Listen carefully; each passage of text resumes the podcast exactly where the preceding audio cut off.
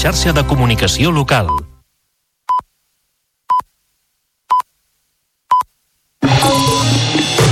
Notícies en xarxa, edició matí. Amb Taís Trujillo. Bon dia. Aquest matí sobre el tram de la B40 entre Viladecavalls i Olesa de Montserrat. Després de 15 anys d'execució, entre ajornaments i canvis de calendari, finalment entrarà en servei un vial determinant per avançar en la millora de connexions entre el Baix Llobregat i el Vallès Occidental. Són uns enllaços en clau de mobilitat, però també en clau econòmica, acostant per carretera els principals motors industrials de Catalunya. Així encapçalem el Notícies en xarxa d'aquest divendres, dia 16 de febrer, i al punt de les 7 del matí repassem també altres titulars. El ministre d'Agricultura, Luis Planas, presenta un pla de 18 mesures per respondre a les mobilitzacions del sector agrícola. Entre altres qüestions, s'ha compromès a incrementar les inspeccions per assegurar el compliment de la llei de la cadena alimentària i aplicar mesures per simplificar els tràmits burocràtics. Les organitzacions agràries valoren el pas endavant, però mantenen de moment les protestes de la setmana vinent com la de dimecres a Madrid. Augmenta l'índex de preus al consum d'un 3,3% al gener amb la retirada d'ajuts a l'electricitat de fons. L'encariment dels aliments un any d'un any a l'altre ha estat del 7%, amb especial incidència en productes com l'oli d'oliva, les hortalisses, la fruita i també la carn de porc. El Gremi Hoteler de Lloret de Mar instal·larà una desalinitzadora portàtil a la platja del municipi per tal de reduir els efectes de la manca d'aigua. Una iniciativa que ha de servir per omplir piscines, però també per aigua de boca. L'Agència Catalana de l'Aigua diu que no coneix el projecte, però obre la porta a estudiar-ne l'encaix. En esports, el Barça i el bàsquet Manresa es disputaran aquesta tarda el bitllet per a les semifinals de la Copa del Rei de Bàsquet. Els de Grimau, campions de 4 de les últimes 6 edicions, intentaran repetir l'actuació de fa 5 dies, el 9 congost, quan es van endur la victòria. Els manresans, però, es van imposar en el duel de la primera volta a la Lliga. I a Cultura, el Museu Picasso oferirà una exposició de l'obra d'artistes com Santiago Rossinyol, Ramon Casas i músics com Isaac Albeniz i Enric Granados. L'equipament centrarà la temporada del 2024 en la relació vital del pintor amb Catalunya i amb els seus paisatges. Repassats els titulars, ara obrim àrea de serveis. En primer lloc volem saber com se circula aquesta hora per la xarxa viària catalana, per tant connectem amb el RAC i amb l'Àlex Huguet. Bon dia. Molt bon dia, com cada divendres, de moment l'hora punta comença sense massa aturades a la xarxa viària, però sí que hi ha força densitat als trams habituals com l'enllaç de l'A2 i la P23 a Sant Joan d'Espí, la P7 al Papiol, en sentit sud o algunes cues a les rondes, destaquem dos quilòmetres a la litoral, en sentit Llobregat, als trams del Fòrum i la Diagonal Mar, i a la ronda de dalt comença a omplir-se força des del nus de la Trinitat i Roquetes. Recordar també un parell de punts més lluny de Barcelona, a la P7 es treballa per retirar un vehicle des d'aquesta matinada que només fa que hi hagi un carril obert a Montroig del Camp. En sentit nord i a la C25 es dona un pas alternatiu al tram de Muntanyola en els dos sentits per unes obres. És tot des del RAC. Bon dia. I tanquem portada amb la previsió del temps de cara al divendres i també a la resta del cap de setmana. Lluís Miquel Pérez, bon dia. Bon dia. Aquest divendres ha de portar molts més núvols i, de fet, al llarg d'aquest matí ja anirà plovent, com ho està fent, de fet, a hores d'ara a les comarques de Ponent i també a les de Tarragona, especialment del Tarragonès cap al sud.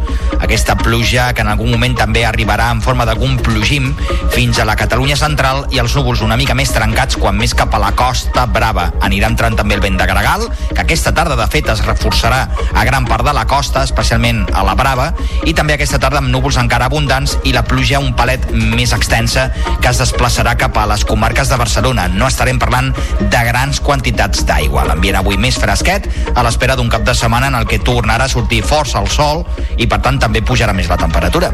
Ho seguirem a la xarxa. Notícies en xarxa, edició matí. Després de molts anys d'espera, avui s'obrirà finalment el tram de la B40 entre Viladecavalls i Olesa de Montserrat. Una infraestructura clau per a la mobilitat que connecta els principals motors industrials de Catalunya situats al Baix Llobregat i al Vallès Occidental. Busquem els detalls i implicacions de la posada en servei d'aquesta via en aquesta crònica de Lluís Mata. Amb l'estrena d'aquest vial culminarà la connexió entre Abrera i Terrassa. El tram en qüestió és un ramal d'uns 6 quilòmetres, dels quals 1,3 transcorren a l'interior d'un túnel. El Ministeri de Transports i Mobilitat Sostenible ha invertit més de 250 milions d'euros per tirar endavant el projecte que millorarà les connexions entre el Vallès Occidental i el Baix Llobregat. Tot plegat un pas més perquè la B40 alliberi trànsit progressivament de les carreteres de Vila de Cavalls i de Martorell i redueixi bona part dels més de 20.000 vehicles diaris que suporta actualment. La inauguració oficial està prevista a dos quarts d'onze del matí, quan el Ministeri ha convocat els alcaldes per fer el recorregut en autobusos des d'Abrera. Aquesta infraestructura és un projecte llargament reivindicat a la zona i ha acumulat nombrosos retards tant en les obres programades com en les possibles dates d'inauguració. La B40, coneguda també com el quart cinturó, és un dels grans cavalls de batalla de la mobilitat a Catalunya des de fa dècades. La idea inicial de l'Estat passava per travar una gran circunvalació metropolitana des del Baix Llobregat fins al Maresme. Un cop descartada la unió dels dos Vallesos per l'impacte ambiental que suposaria, la planificació d'obres fixa com a possible horitzó a mig termini l'enllaç des de Terrassa fins a Sabadell i Castellà del Vallès una qüestió que va condicionar fins i tot el suport del PSC als darrers pressupostos de la Generalitat. La inauguració d'aquesta part de la B40 entre Abrera i Vila de Cavalls acaba amb gairebé 15 anys d'execució amb diversos retards, aturades per lliscaments en obres ja construïda i reiterats canvis de calendari. I parlem ara de transport ferroviari perquè els constants problemes que acumula la línia R3 de Rodalies des de que es va recuperar la circulació de trens fa dues setmanes han acabat la paciència tant dels usuaris com de la Generalitat. L'executiu va demanar ahir de forma oficial a Renfe i a DIF que resolguin de manera immediata les afectacions que està patint la línia. Ens ho expliquen des de BOTV. 11 incidències en els 10 dies des del retorn de la circulació de trens a la R3. Són dades del Departament de Territori que ha comptabilitzat aquest total d'11 incidències repartides en 6 dels 10 dies que fa que la línia ha tornat a obrir a la circulació.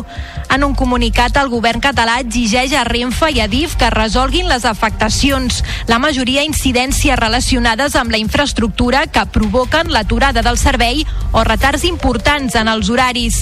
El comunicat del govern català també reclama a Renfe i a DIF que hi hagi un període de proves per detectar incidències abans de tornar a obrir la circulació de trens al públic de cara al segon tall previst a l'estiu. El Departament de Territori, d'altra banda, ha anunciat també que s'ha incorporat a petició pròpia la comissió de seguiment de la línia R3 que van iniciar fa uns dies Renfe i Adif a qui en els propers dies convocaran en una reunió perquè donin explicacions davant de les administracions locals i els agents del territori. La Diputació de Barcelona ajudarà a finançar el 100% dels plans de mobilitat futurs dels municipis de l'àrea metropolitana. És una ajuda que ha de servir per aconseguir millores en aquest àmbit. Així ho ha explicat el diputat d'Infraestructura, Sergi Vallès, en una jornada de balanç dels 20 anys de la llei de mobilitat catalana aprovada el 2003. Un balanç on s'ha destacat el treball de les administracions locals i la cooperació amb la Diputació la Diputació de Barcelona des de l'àrea d'infraestructures eh, conjuntament amb l'àrea metropolitana hem arribat a un acord per tal d'ajudar a finançar 100% tots els plans de mobilitat de l'àrea metropolitana no? i per tant aquesta jornada serà un altre punt de partida per anar aconseguint eh, sempre millores en l'àrea de mobilitat.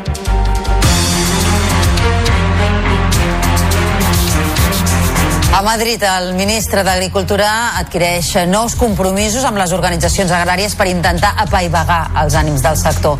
Lluís Planes els ha presentat un paquet de, de 18 mesures, entre les quals hi ha la creació d'una agència de control alimentari per incrementar les inspeccions a distribuïdors i a superfícies comercials.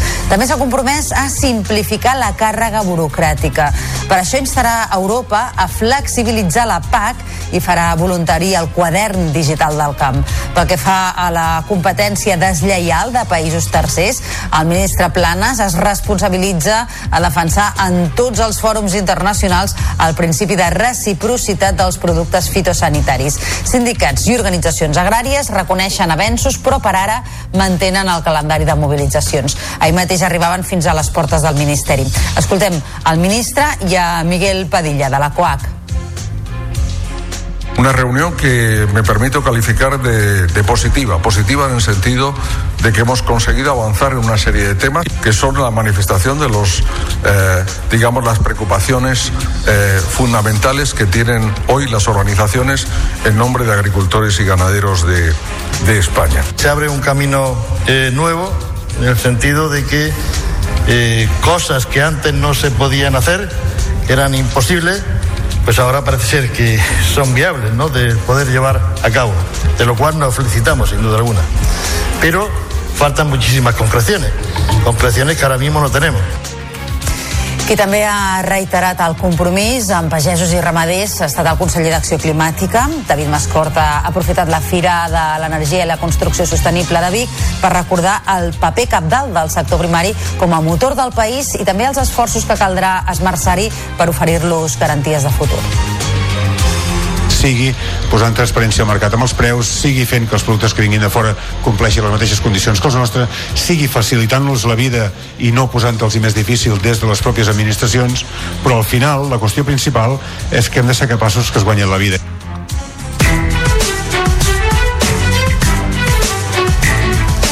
7 i 10 minuts ara del matí. Els preus han repuntat el mes de gener per la retirada dels ajuts a l'electricitat que han encarit la factura energètica. L'índex de preus de consum, doncs, ha iniciat el 2024 amb un increment a Catalunya del 3,3%. De fet, la inflació mensual en l'electricitat, el gas i altres combustibles puja per sobre del 8%. Pel que fa als aliments, mantenen una tendència a l'alça amb un augment interanual a Catalunya del 7%. L'oli continua pujant de preu amb un increment del 44% en aquest cas. També les hortalisses, la fruita i la carn de porc s'han encarit en un any més del 10%. I els ous costen un 5% més que al gener del 2023. I el programa Reempresa Mercats Municipals de la Diputació de Barcelona ha evitat el tancament d'un centenar de parades i ha garantit la continuïtat de 191 llocs de treball des del 2017. Consisteix a posar en contacte les parades que són viables econòmicament amb persones emprenedores disposades a fer-se càrrec. La Diputació ha presentat els resultats al mercat de Sant Andreu de la Barca i hi han anat els companys de TV. Abans de posar les dades sobre la taula, l'alcalde Marc Giribet ha volgut trencar una llança a favor dels mercats, afirmant que no es tracta només de simples llocs de negoci. Els mercats a més de ser una part d'activitat econòmica, és sobretot una activitat social. I per tant, són uns grans elements cohesionadors de la nostra comunitat, de la nostra ciutat, i per tant, eh, mantenir-los vius és una obligació eh, de totes les administracions, de totes les entitats que hi participen. En aquests 5 anys, el programa impulsat per la Diputació de Barcelona i la patronal SECOT ha permès fer difusió i atendre 430 parades de mercat municipal. El Vallès Occidental, amb un 41% i el Baix Llobregat, amb un 28,5%, concentren més de la meitat dels relleus de parades completats fins ara pel programa Reempresa Mercats Municipals. Pel que fa a l'oferta de parades de mercats disponibles, destaquen també aquestes dues comarques. El Vallès té un 33,5%, seguit del Baix Llobregat i el Garraf amb un 21%, cadascuna d'elles.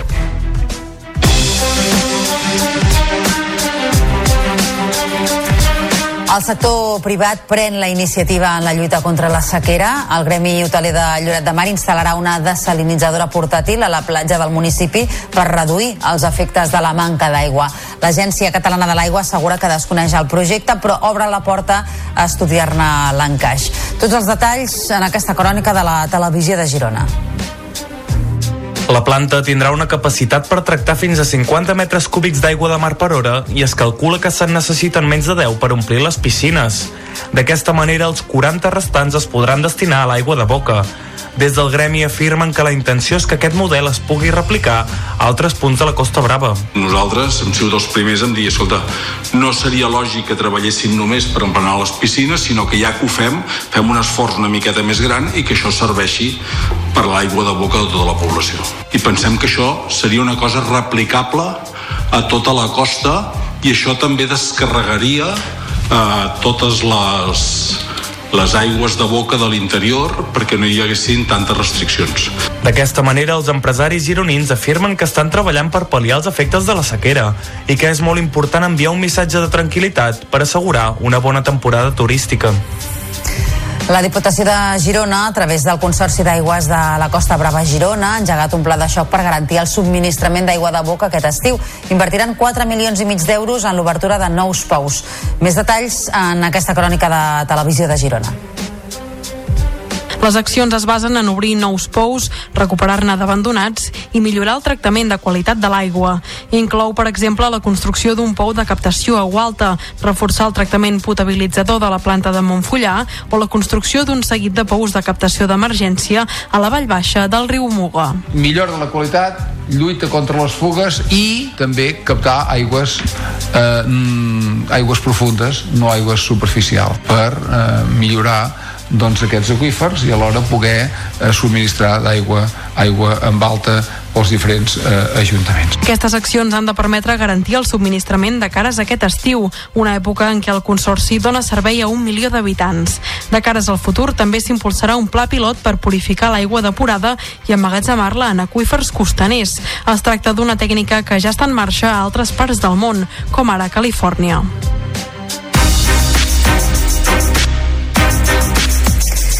És ara un quart de vuit del matí. El govern ha reforçat el servei d'atenció psicològica a les víctimes de violències masclistes o sexuals amb una trentena de psicòlogues disponibles les 24 hores dels 365 dies de l'any. L'atenció és immediata i presencial.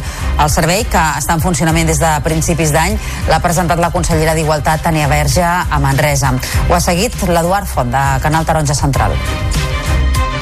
El servei va dirigit a totes les persones afectades per situacions de crisi provocades per violència masclista i es podrà activar, entre altres, a través del telèfon 900 900 120, els serveis d'intervenció especialitzada i els serveis d'informació i atenció a les dones. El SIC es va crear el 2008 i des d'aleshores els casos atesos han estat limitats. En un primer moment només es podia donar assistència a uns 5 casos l'any. El 2022 ja eren 25. El nou servei que ha presentat aquest dijous la titular de la Conselleria d'Igualtat té capacitat per fer 560 atencions anuals. El nou servei d'intervenció en crisi és clau per minimitzar l'impacte de la situació de crisi en les dones que han patit un fet de violència masclista i per mitigar els trastorns psicològics a mitjà i a llarg termini. Les 33 psicòlogues que formen part del servei estan repartides per tot el territori en diversos equips formats per una coordinadora tècnica, dues coordinadores operatives i fins a quatre psicòlogues. El conseller de Drets Socials, Carles Campuzano, ha criticat l'informe del Parlament que considera la gestió de la Covid a les residències de gent gran i que diu que va ser insuficient, amb falta d'informació i una hospitalització massa desigual. Campuzano assegura que el Parlament hauria de precisar més en el seu informe. Són unes declaracions fetes en una roda de premsa per presentar una pàgina web que permet veure el temps d'espera per entrar en una residència de la tercera edat en aquest cas el Parlament té poc, eh, poca precisió en el que firma. El Parlament el respectem, eh? però han de ser precisos. I, per tant, hi ha inspeccions d'ofici i les inspeccions es fan sense avisar i hi ha inspeccions quan hi han denúncies i hi ha canals anònims de denúncies. Aquest matí es reuneix l'Ajuntament de Badalona amb la Generalitat per avaluar en una taula d'emergència conjunta la seguretat dels edificis construïts en la mateixa promoció que l'immoble enfonsat el passat 6 de febrer.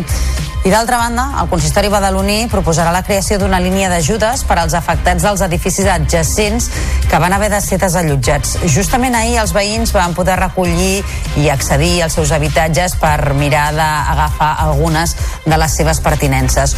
Un d'aquests veïns és la Sara Blanco, que viu als baixos del número 7, just al costat de l'edifici que es va esfondrar.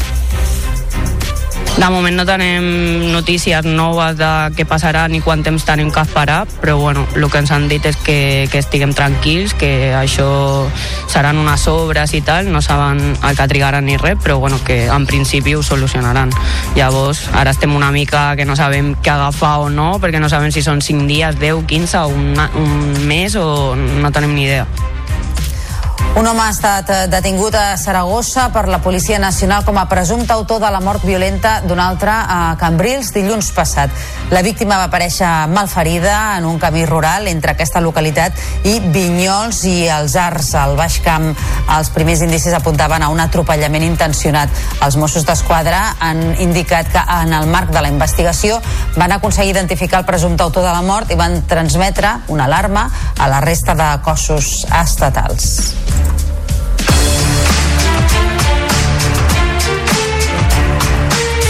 obrim plana política per parlar de les negociacions sobre els pressupostos de la Generalitat. Per tal de donar-hi el seu suport, Junts per Catalunya exigeix suprimir l'impost de successions. La formació també reclama la creació d'una unitat de Mossos d'Esquadra antiocupacions. De fet, els juntaires el que consideren és que el soci prioritari del govern per als pressupostos és el PSC, però s'ofereixen a pactar-los per tal d'evitar, diuen, un intercanvi de cromos naïf entre els comptes de la Generalitat i els de l'Estat. Ens ho explica la Ramon Carvajal. Junts per Catalunya ha lliurat 100 mesures al govern per negociar els pressupostos. Com a proposta fiscal hi ha bonificar el 99% l'impost de successions per cònjuges, pares i fills. I en seguretat, crear una unitat de Mossos d'Esquadra per fer front a les ocupacions. La portaveu parlamentària de Junts, Mònica Sales, ha dit que són mesures realistes i que s'han de poder executar, però ha considerat que el govern ja ha triat el PSC com a soci. I evidentment traslladem aquesta oferta perquè pensem que el govern no pot caure en un intercanvi de cromos naïf entre Esquerra i els socialistes, com s'intueix des de fa setmanes pels pressupostos de la Generalitat i de l'estat espanyol. Junts també ha proposat 50 milions d'euros de suport al sector primari, industrial, turístic i esportiu per la sequera. Ha estat la segona reunió entre el govern i Junts. S'ha fet a Palau i ha durat 20 minuts. El Corte Inglés ha demandat l'empresa municipal Pumsa de Mataró per haver declarat nula o de compliment defectuós la venda d'un solar de la ciutat a aquesta cadena per talcar i construís un dels seus centres comercials. El Corte Inglés ha canviat el model de negoci i ara es vol desprendre del terreny que li va costar 24 milions d'euros en plena bombolla immobiliària. El problema de l'empresa és que ara el solar ja no val el mateix i a més qualsevol possible inversor s'hauria de fer càrrec dels compromisos compromisos que el Corte Inglés va adquirir amb l'empresa propietària del terreny per eh, tal de construir un aparcament municipal i fer-hi millores urbanístiques.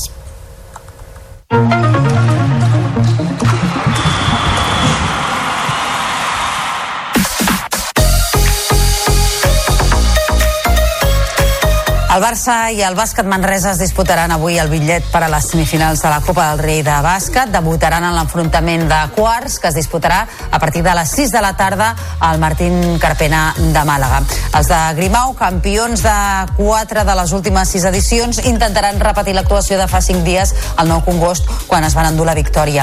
Els manresans, però, es van imposar en el duel de la primera volta. Qui guanyi demà jugarà el pas a la final contra el vencedor del Tenerife Unicaja. Ahir ja va quedar definit definida l'altra semifinal que enfrontarà el Real Madrid i el València. El tècnic blaurana, Roger Grimau, explica com afronten la competició. L'avantatge que treuen de la pèrdua, o sigui que hem de, hem de ser molt curosos amb la pilota, intentar minimitzar al màxim aquest uh, percentatge de pilotes perdudes i, i cas que es produeixin, perquè segur que es produiran, que un partit no és perfecte, doncs intentar canviar el xip molt ràpid, atac-defensa, perquè realment ells són eh, doncs un dels millors equips en això. Tenen, crec que és l'equip amb més possessions vull dir que, que és el seu estil, és el seu joc i, i sovint et forcen això i malestar al Barça per la convocatòria d'Alexia Potelles amb la selecció espanyola, tot i no tenir l'alta mèdica. La davantera ha entrat a la llista per a la disputa de la fase final de la Nations League, que arrencarà el 23 de febrer a Sevilla. Alexia no juga un partit des del mes de novembre i tot just aquesta setmana ha començat a fer part de l'entrenament amb el grup. La seleccionadora Montse Tomé ha explicat per què l'ha convocat. Valoramos como eh, una jugadora que tiene que estar en estos partidos. Sabemos el proceso que ha tenido a nivel de su rodilla y sabemos que está en un proceso de readaptación con su club.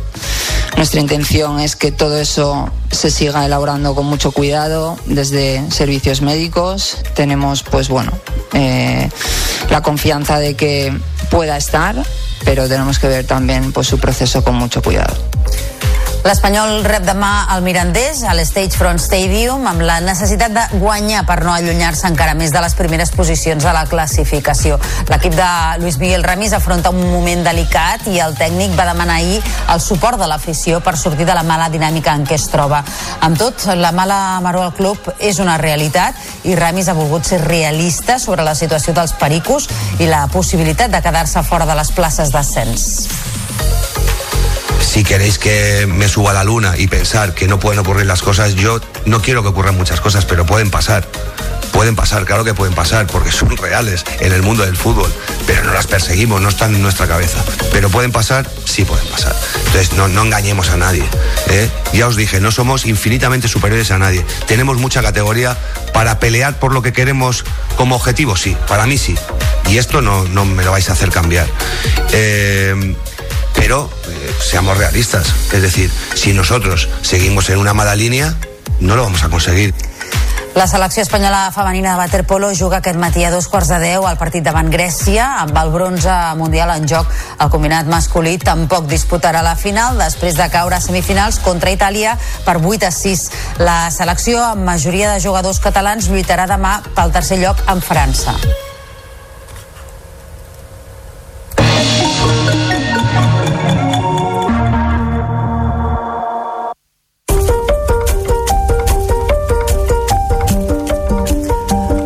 D'artistes com Santiago Rossinyol o Ramon Casas i la feina de músics com Isaac Albéniz o Enric Granados protagonitzaran una de les exposicions més destacades de la programació d'aquesta temporada del Museu Picasso.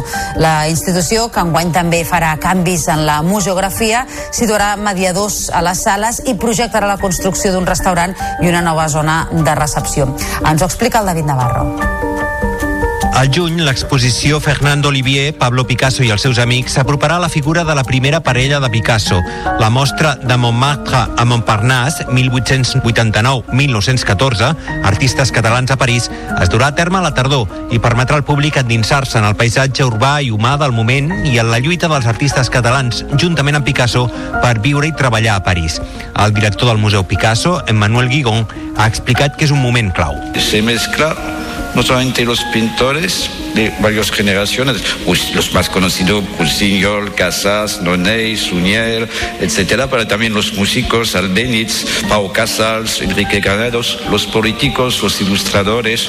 Hay que recrear esta vida durante dos generaciones y el por qué la gente se encuentra La primavera surrealista i Bernat Plossu, paisatges catalans a Picasso, són les altres grans exposicions d'una temporada que farà canvis a la museografia per afegir-hi obres i fer la visita més fluida. A més, es crearà una gran recepció pel museu i s'obrirà un restaurant. L'Animac, la mostra internacional de cinema d'animació de Catalunya, ha arrencat a Lleida amb la diversitat com a fil conductor del programa d'enguany. Fins diumenge es podran veure fins a 179 films, entre els quals n'hi ha denominats als Oscars i estrenes mundials. A la inauguració s'ha reconegut amb el Premi Honorífic a la directora donostiarra Isabel Erguera, que no ha pogut assistir. El creador britànic Barry Parves sí que ha rebut presencialment el Premi Animation Master. La directora de l'Animac, Carolina López, destacava la qualitat d'aquesta 28a edició. Veurem uns curtmetratges, alguns dels quals molt guardonats arreu del món, com és el cas de 27, una producció hongaresa, o com és el cas de My Uniform, una pel·lícula que està nominada als Premis Oscars. També tindrem l'estrena mundial de Felina, de Mali- Maria Lorenzo, perdó, que ens acompanya aquesta nit. O sigui que serà una arrencada fantàstica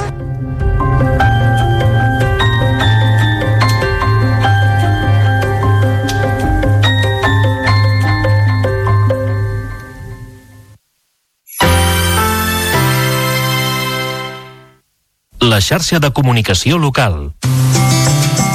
Torna al Festival Subtraveling. Inspira't en els grans, roda el teu curt i participa a Roda a TMB. Pots guanyar un viatge a Seul, una càmera professional, entre altres premis de cine. Més informació a subtravelingfestival.tmb.cat. Torna la Magic Line del Sant Joan de Déu. Feu un equip d'entre 4 i 20 persones, marqueu-vos un repte econòmic solidari i trieu el vostre recorregut. El 17 de març caminarem per qui més ho necessita. Inscriu-te a magiclinesjb.org. Som el que compartim.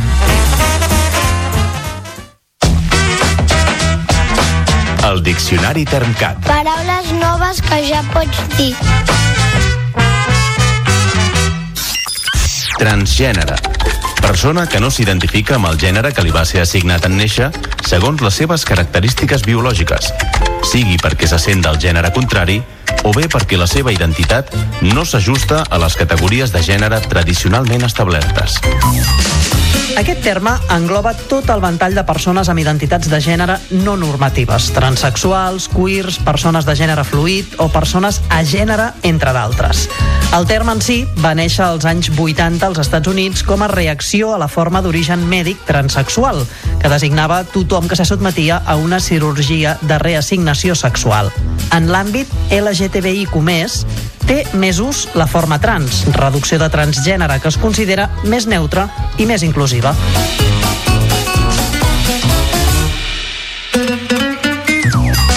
Si les paraules noves t'agraden, no et pots perdre el podcast Paraules Habitables a la xarxa a més. Una producció de la xarxa i el Termcat. La xarxa de comunicació local.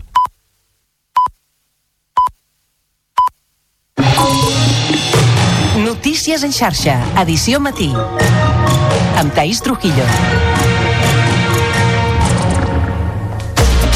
Són dos quarts de vuit del matí i avui encapçalem el Notícies en xarxa amb el tram de la B40 entre Vila de Cavalls i Olesa de Montserrat que s'inaugura aquest matí. Després de 15 anys d'execució entre ajornaments i canvis de calendari, finalment entrarà en servei un vial determinant per avançar en la millora de connexions entre el Baix Llobregat i el Vallès Occidental.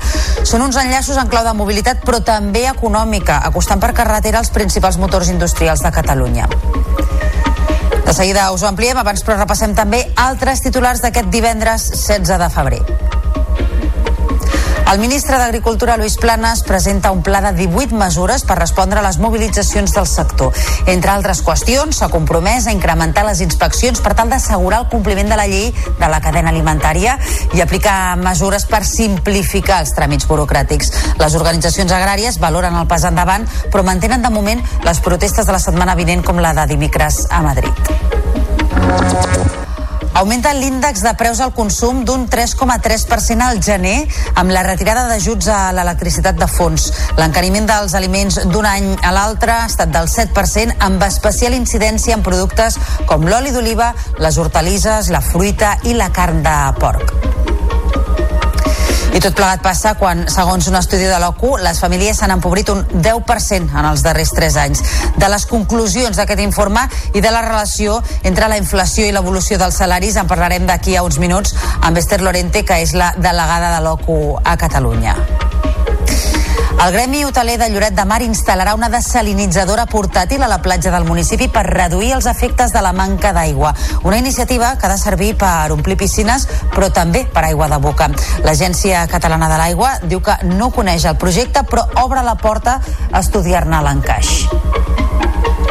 Esports, el Barça i el bàsquet Manresa es disputaran aquesta tarda el bitllet per a les semifinals de la Copa del Rei de bàsquet. Els de Grimau, campions de quatre de les últimes sis edicions, intentaran repetir l'actuació de fa cinc dies al Nou Congost quan es van endur la victòria. Els manresans, però, es van imposar en el duel de la primera volta a la Lliga. I en cultura, el Museu Picasso oferirà una exposició de l'obra d'artistes com Santiago Rossinyol, Ramon Casas i músics com Isaac Albéniz i Enric Granados. L'equipament centrarà la temporada del 24 en la relació vital del pintor amb Catalunya i els seus paisatges. I repassats els titulars, ara obrim plana de serveis. Comencem amb el trànsit. Segons el RAC, hi ha retencions als punts habituals. La B23 des de Molins de Rei i a l'enllaç d'aquesta carretera amb la 2 a Sant Joan d'Espí, d'entrada a Barcelona, i a la C58 des de Montcada en sentit sud i un tram més a Ripollet cap a Sabadell. Pel que fa a les rondes, va més plena la litoral cap al Llobregat entre Sant Adrià i la Barceloneta i la ronda de dalt sobretot pels trams de Canyelles i Horta. I ara la previsió del temps. Avui plourà a forces zones de Catalunya, tot i que no serà en grans quantitats. Ja ha començat, de fet, a ploure a aquesta hora a comarques de Lleida i a les del sud de Tarragona. Bufarà vent a gran part de la costa i al cap de setmana farà sol. Notícies en xarxa, edició matí. Després de molts anys d'espera, avui s'obrirà finalment el tram de la B40 entre Vila de Cavalls i Olesa de Montserrat. És una infraestructura clau per a la mobilitat i que connecta els principals motors industrials de Catalunya situats al Baix Llobregat i al Vallès Occidental. Amb l'estrena d'aquest vial culminarà la connexió entre Abrera i Terrassa.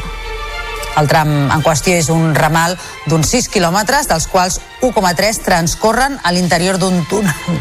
El Ministeri de Transports i de Mobilitat Sostenible ha invertit més de 250 milions d'euros per tirar endavant el projecte i tot plegat és un pas més perquè la B40 alliberi trànsit progressivament de les carreteres de Viladecavalls i de Martorell i redueixi bona part dels més de 20.000 vehicles diaris que suporta en l'actualitat. Aquesta infraestructura és un projecte llargament reivindicat a la zona i ha acumulat nombrosos retards tant en les obres programades com en les possibles dates d'inauguració. La B40, coneguda també com el quart cinturó, és un dels grans cavalls de batalla de la mobilitat a Catalunya des de fa dècades. La idea inicial de l'Estat passava per travar una gran circunvalació metropolitana des del Baix Llobregat fins al Maresme. Un cop descartada la unió dels dos Vallesos per l'impacte ambiental que suposaria, la planificació d'obres fixa com a possible horitzó a mig termini l'enllaç des de Terrassa fins a Sabadell i Castellà del Vallès. Una qüestió que va condicionar fins i tot el suport del PSC als darrers pressupostos de la Generalitat. La inauguració d'aquesta part de la B40 entre Abrera i Vila de Cavalls acaba amb gairebé 15 anys d'execució amb diversos retards, aturades per lliscaments en obres ja construïda i reiterats canvis de calendari. I parlem ara de transport ferroviari perquè els constants problemes que acumula la línia R3 de Rodalies des de que es va recuperar la circulació de trens fa dues setmanes han acabat la paciència tant dels usuaris com de la Generalitat. L'executiu va demanar ahir de forma oficial a Renfe i a DIF que resolguin de manera immediata les afectacions que està patint aquesta línia. Ens ho expliquen des de BOTV.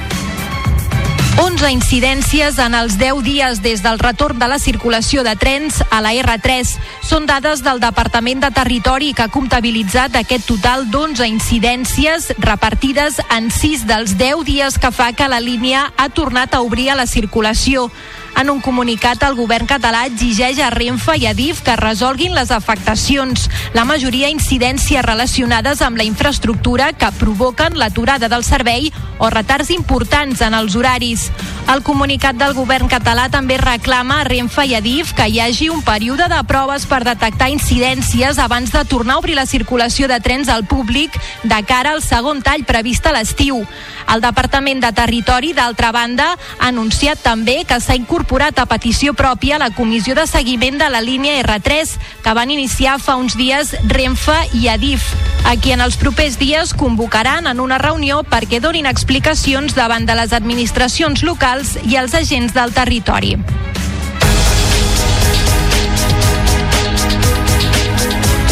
A Madrid, el ministre d'Agricultura adquireix nous compromisos amb les organitzacions agràries per intentar apaivagar els ànims del sector.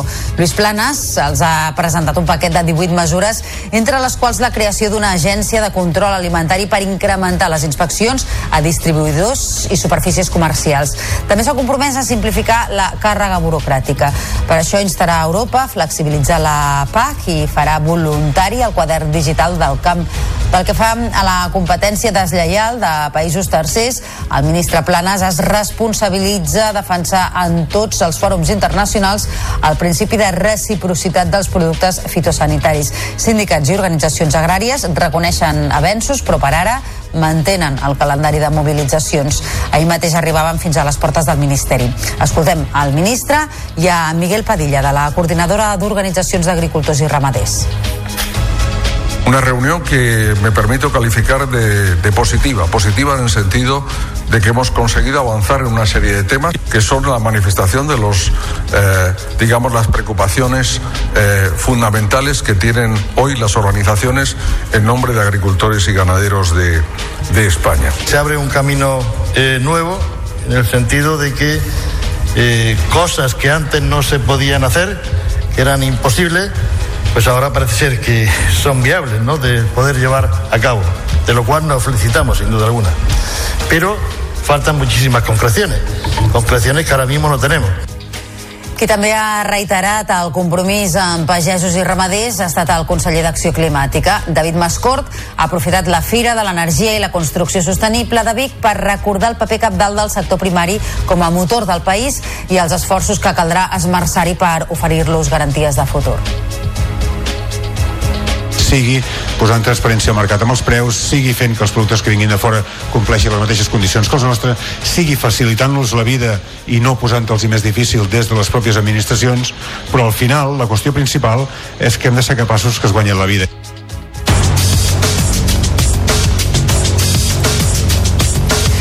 Els preus han repuntat el mes de gener per la retirada dels ajuts a l'electricitat que han encarit la factura energètica. L'índex de preus al consum, doncs, ha iniciat el 2024 amb un increment a Catalunya del 3,3%. De fet, la inflació mensual en l'electricitat, el gas i altres combustibles puja per sobre del 8%. Pel que fa als aliments, mantenen una tendència a l'alça amb un augment interanual a Catalunya del 7%. L'oli continua pujant de preu amb un increment del 40 34%. També les hortalisses, la fruita i la carn de porc s'han encarit en un any més del 10% i els ous costen un 5% més que el gener de l'any passat, el 2023.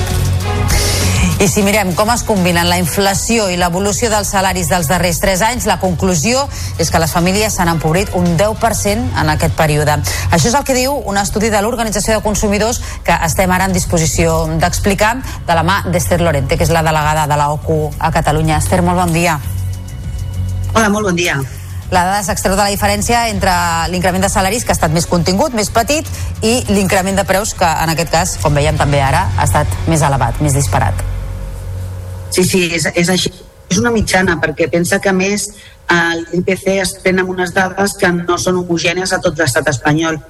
Aquí hem de tenir en compte també que l'IPC no té en compte les pujades que ha tingut la gent que té una hipoteca variable, que sol ser bastanta gent.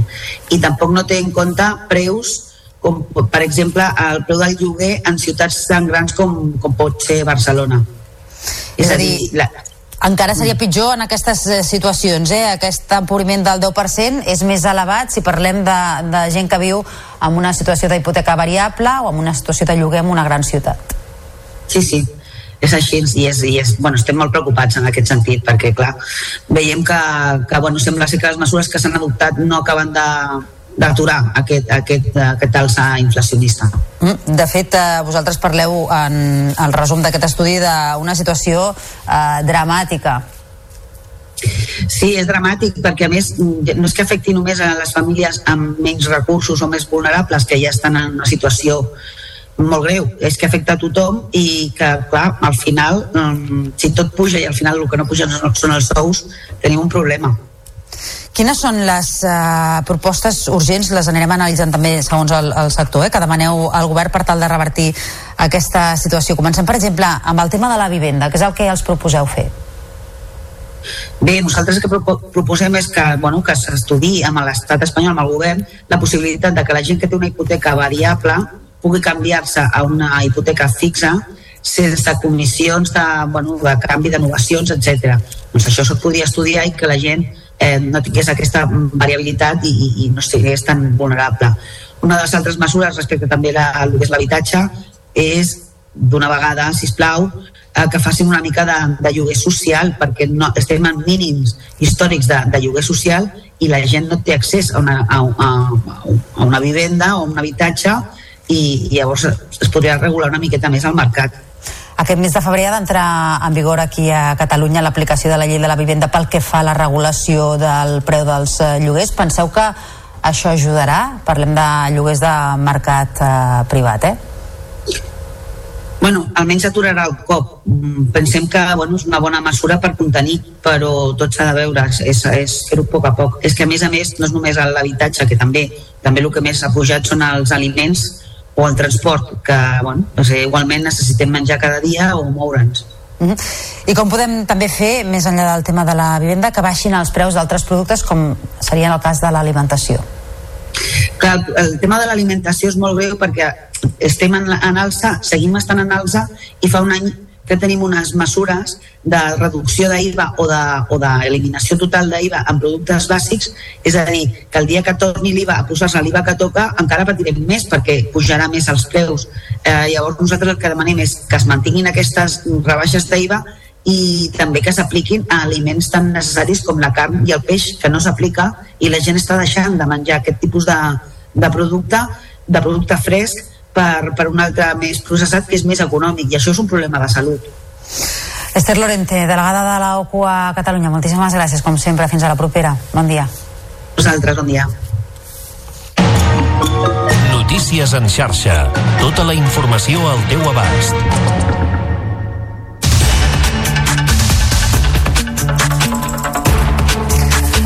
El sector privat pren la iniciativa en la lluita contra la sequera. El Gremi Hoteler de Lloret de Mar instal·larà una desalinitzadora portàtil a la platja del municipi per tal de reduir els efectes de la manca d'aigua.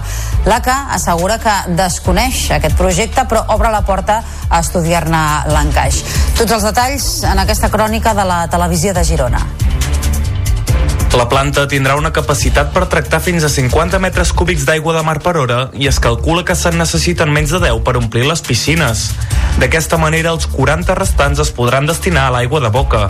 Des del gremi afirmen que la intenció és que aquest model es pugui replicar a altres punts de la Costa Brava. Nosaltres hem sigut els primers en dir, escolta, no seria lògic que treballéssim només per emplenar les piscines, sinó que ja que ho fem, fem un esforç una miqueta més gran i que això serveixi per l'aigua de boca de tota la població.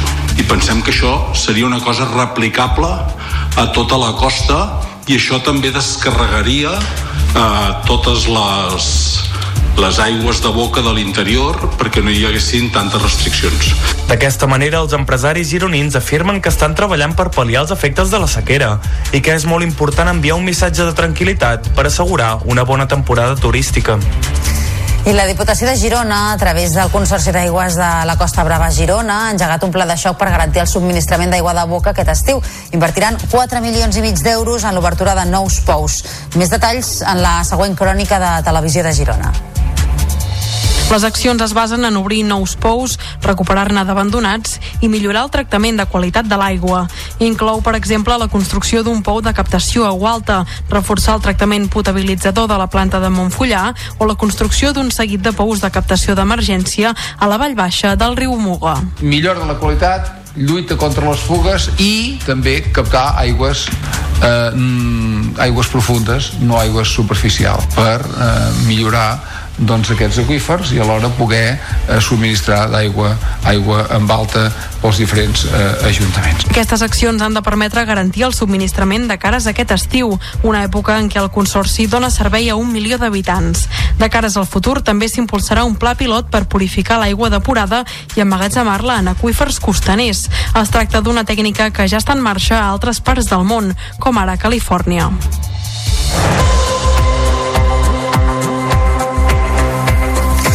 El govern ha reforçat el servei d'atenció psicològica a les víctimes de violències masclistes o sexuals amb una trentena de psicòlogues disponibles les 24 hores dels 365 dies de l'any. L'atenció és immediata i presencial. El servei que està en funcionament des de principis d'any l'ha presentat la consellera d'Igualtat Tania Verge a Manresa. Ho ha seguit l'Eduard Font des de Canal Taronja Central. El servei va dirigit a totes les persones afectades per situacions de crisi provocades per violència masclista i es podrà activar, entre altres, a través del telèfon 900 900 120, els serveis d'intervenció especialitzada i els serveis d'informació i atenció a les dones. El SIC es va crear el 2008 i des d'aleshores els casos atesos han estat limitats. En un primer moment només es podia donar assistència a uns 5 casos l'any. El 2022 ja eren 25. El nou servei que ha presentat aquest dijous la titular de la Conselleria d'Igualtat té capacitat per fer 560 atencions anuals. El nou servei d'intervenció en crisi és clau per minimitzar l'impacte de la situació de crisi en les dones que han patit un fet de violència masclista i per mitigar els trastorns psicològics a mitjà i a llarg termini. Les 33 psicòlogues que formen part del servei estan repartides per tot el territori en diversos equips formats per una coordinadora tècnica, dues coordinadores operatives i fins a quatre psicòlogues.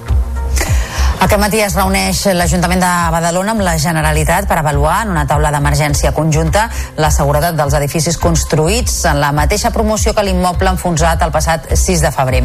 I d'altra banda, el consistori badaloní proposarà la creació d'una línia d'ajudes per als afectats dels edificis adjacents que van haver de ser desallotjats. Justament ahir els veïns van poder accedir als seus habitatges per recollir algunes de les seves pertinences. Un d'aquests veïns és la Sara Blanco, que viu als baixos del número 7, just al costat costat de l'edifici que es va esfondrar. De moment no tenim notícies noves de què passarà ni quant temps tenim que esperar, però bueno, el que ens han dit és que, que estiguem tranquils, que això seran unes obres i tal, no saben el que trigaran ni res, però bueno, que en principi ho solucionaran. Llavors, ara estem una mica que no sabem què agafar o no, perquè no sabem si són 5 dies, 10, 15 o un, un mes o no tenim ni idea. I abans dels esports us expliquem que un home ha estat detingut a Saragossa per la Policia Nacional com a presumpte autor de la mort violenta d'un altre a Cambrils dilluns passat. La víctima va aparèixer amb el ferida en un camí rural entre aquesta localitat i Vinyols i els Arts, al Baix Camp. Els primers indicis apuntaven a un atropellament intencionat. Els Mossos d'Esquadra han indicat que en el marc de la investigació van aconseguir identificar el presumpte autor de la mort i van transmetre una alarma a la resta de cossos estatals. Música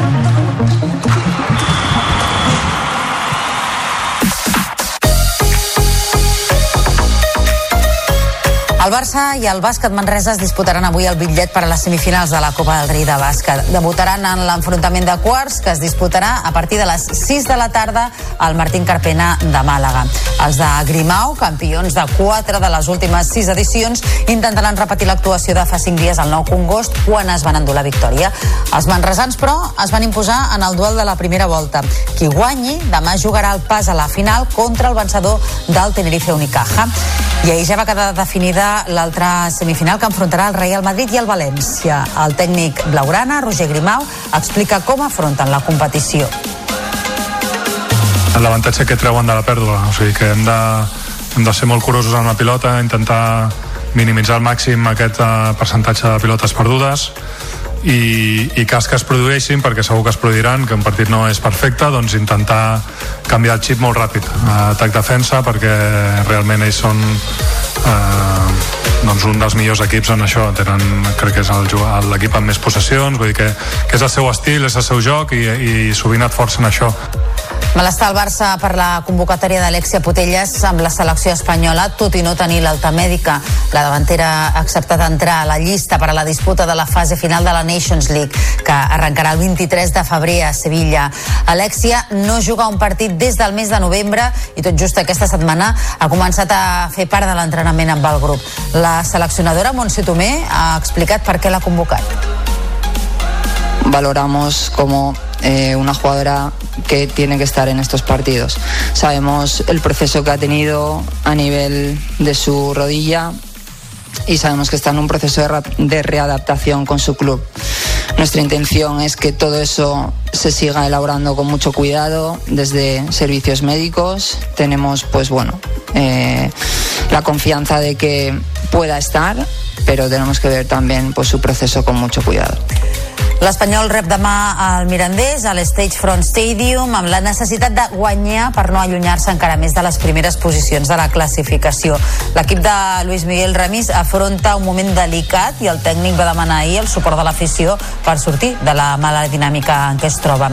Amb tot, la mala maró al club és una realitat i Ramis ha volgut ser realista sobre la situació dels pericos i la possibilitat de quedar-se fora de les places d'ascens.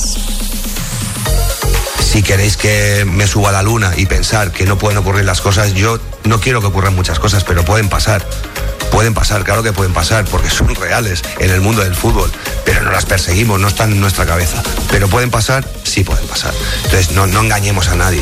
¿eh? Ya os dije, no somos infinitamente superiores a nadie. Tenemos mucha categoría para pelear por lo que queremos como objetivo, sí, para mí sí. Y esto no, no me lo vais a hacer cambiar.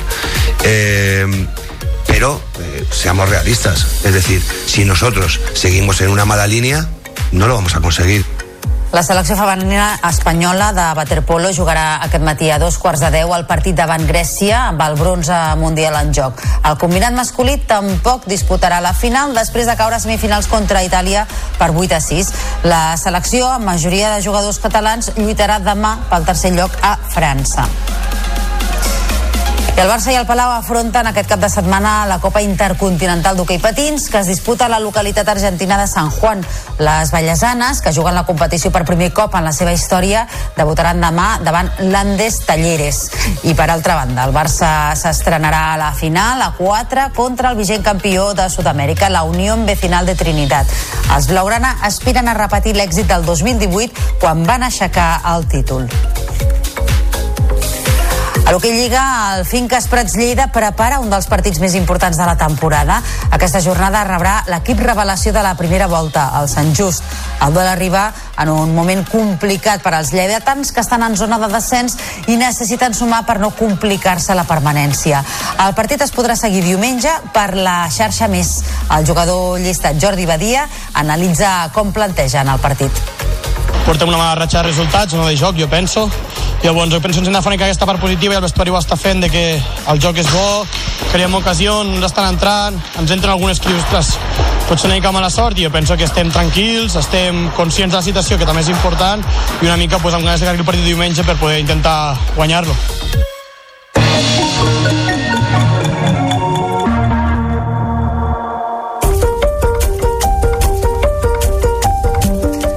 L'obra d'artistes com Santiago Rossinyol o Ramon Casas i la feina de músics com Isaac Albéniz o Enric Granados protagonitzaran una de les exposicions més destacades de la programació d'aquesta temporada del Museu Picasso.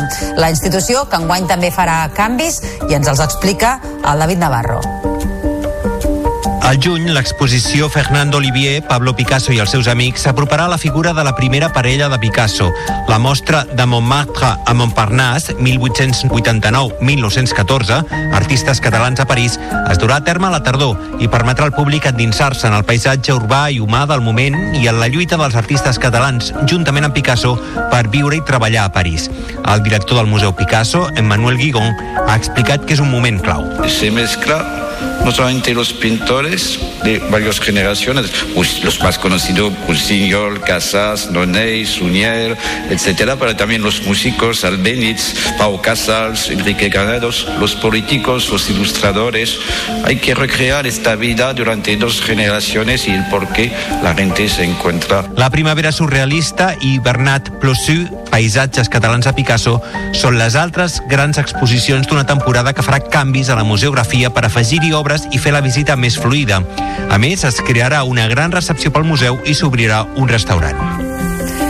I torna al Festival de Jazz de Terrassa, la d'aquest any serà la 43a edició. El festival està dedicat a la memòria del pianista Lucky Guri i al músic terrassenc Pep Figueres. Ens ho explica el Josep Maria Codina, des de Canal Terrassa.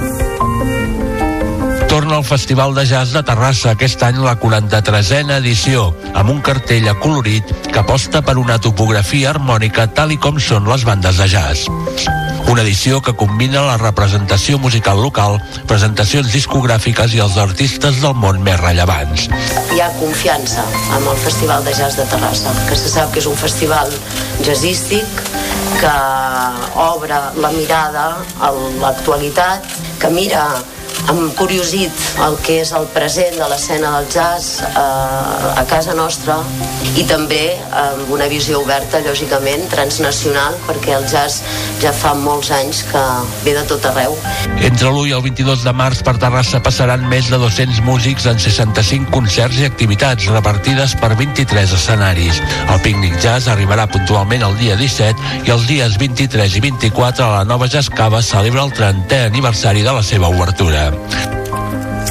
I ara anem al teatre perquè el Tívoli de Barcelona ha estrenat aquest dijous el musical Los chicos del coro, una adaptació de la pel·lícula homònima del 2004. Després del seu gran èxit a Madrid, amb més de 150.000 espectadors, confien en engrescar també el públic català. S'estrenaran i s'estaran a la capital catalana fins al proper 21 d'abril. La història, amb una quinzena d'infants a l'escenari en cada funció, ens trasllada a la França del 1949, quan un professor arriba a un internat i trasllada als seus alumnes la passió pel cant.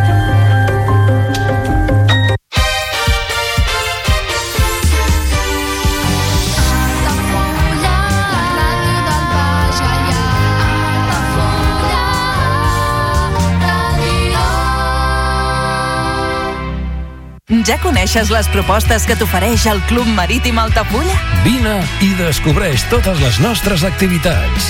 Sortides en caiac o pa del surf, cursos de vela per a totes les edats. No t'ho perdis. Club Marítim Altafulla. Obert tot l'any i per a tothom.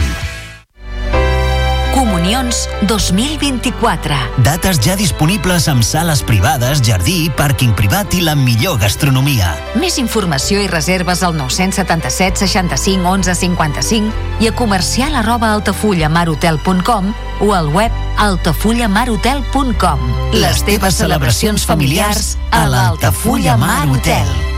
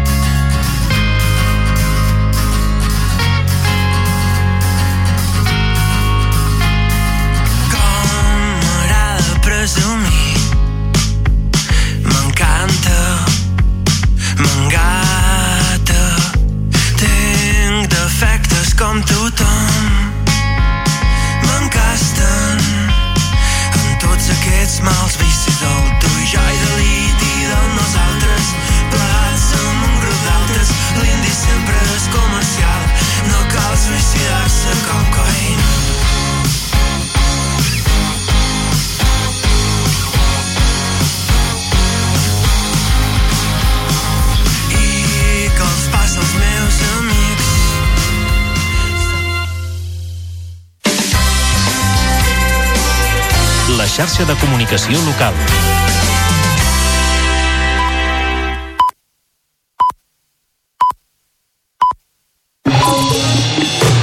Notícies en xarxa, edició matí.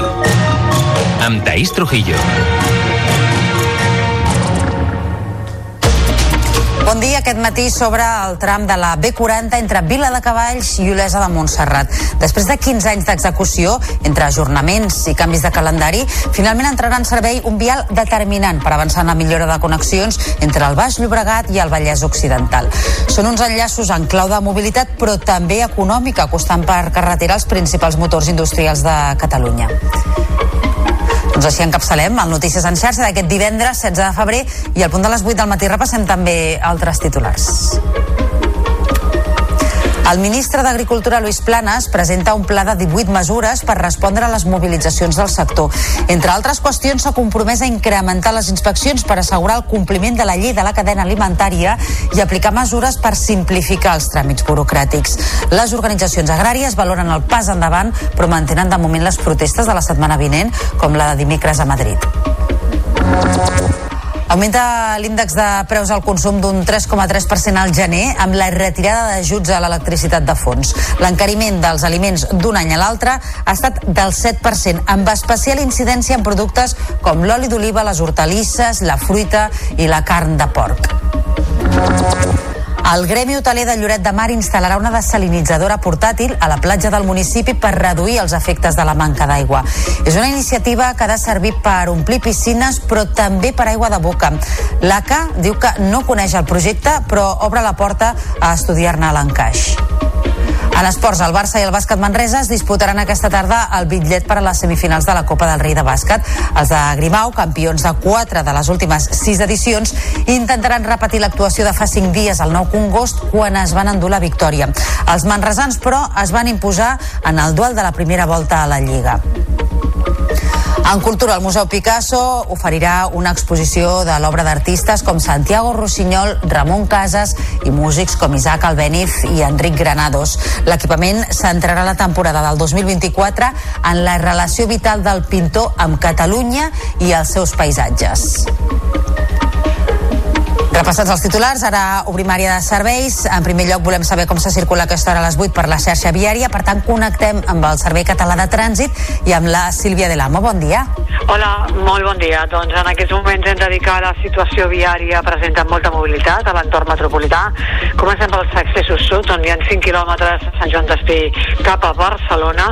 L'entrada i la sortida per la Diagonal també amb 3 quilòmetres de circulació lenta i la C32 que connecta a Esplugues i a Sant Boi amb la Ronda de Dalt també amb lentitud.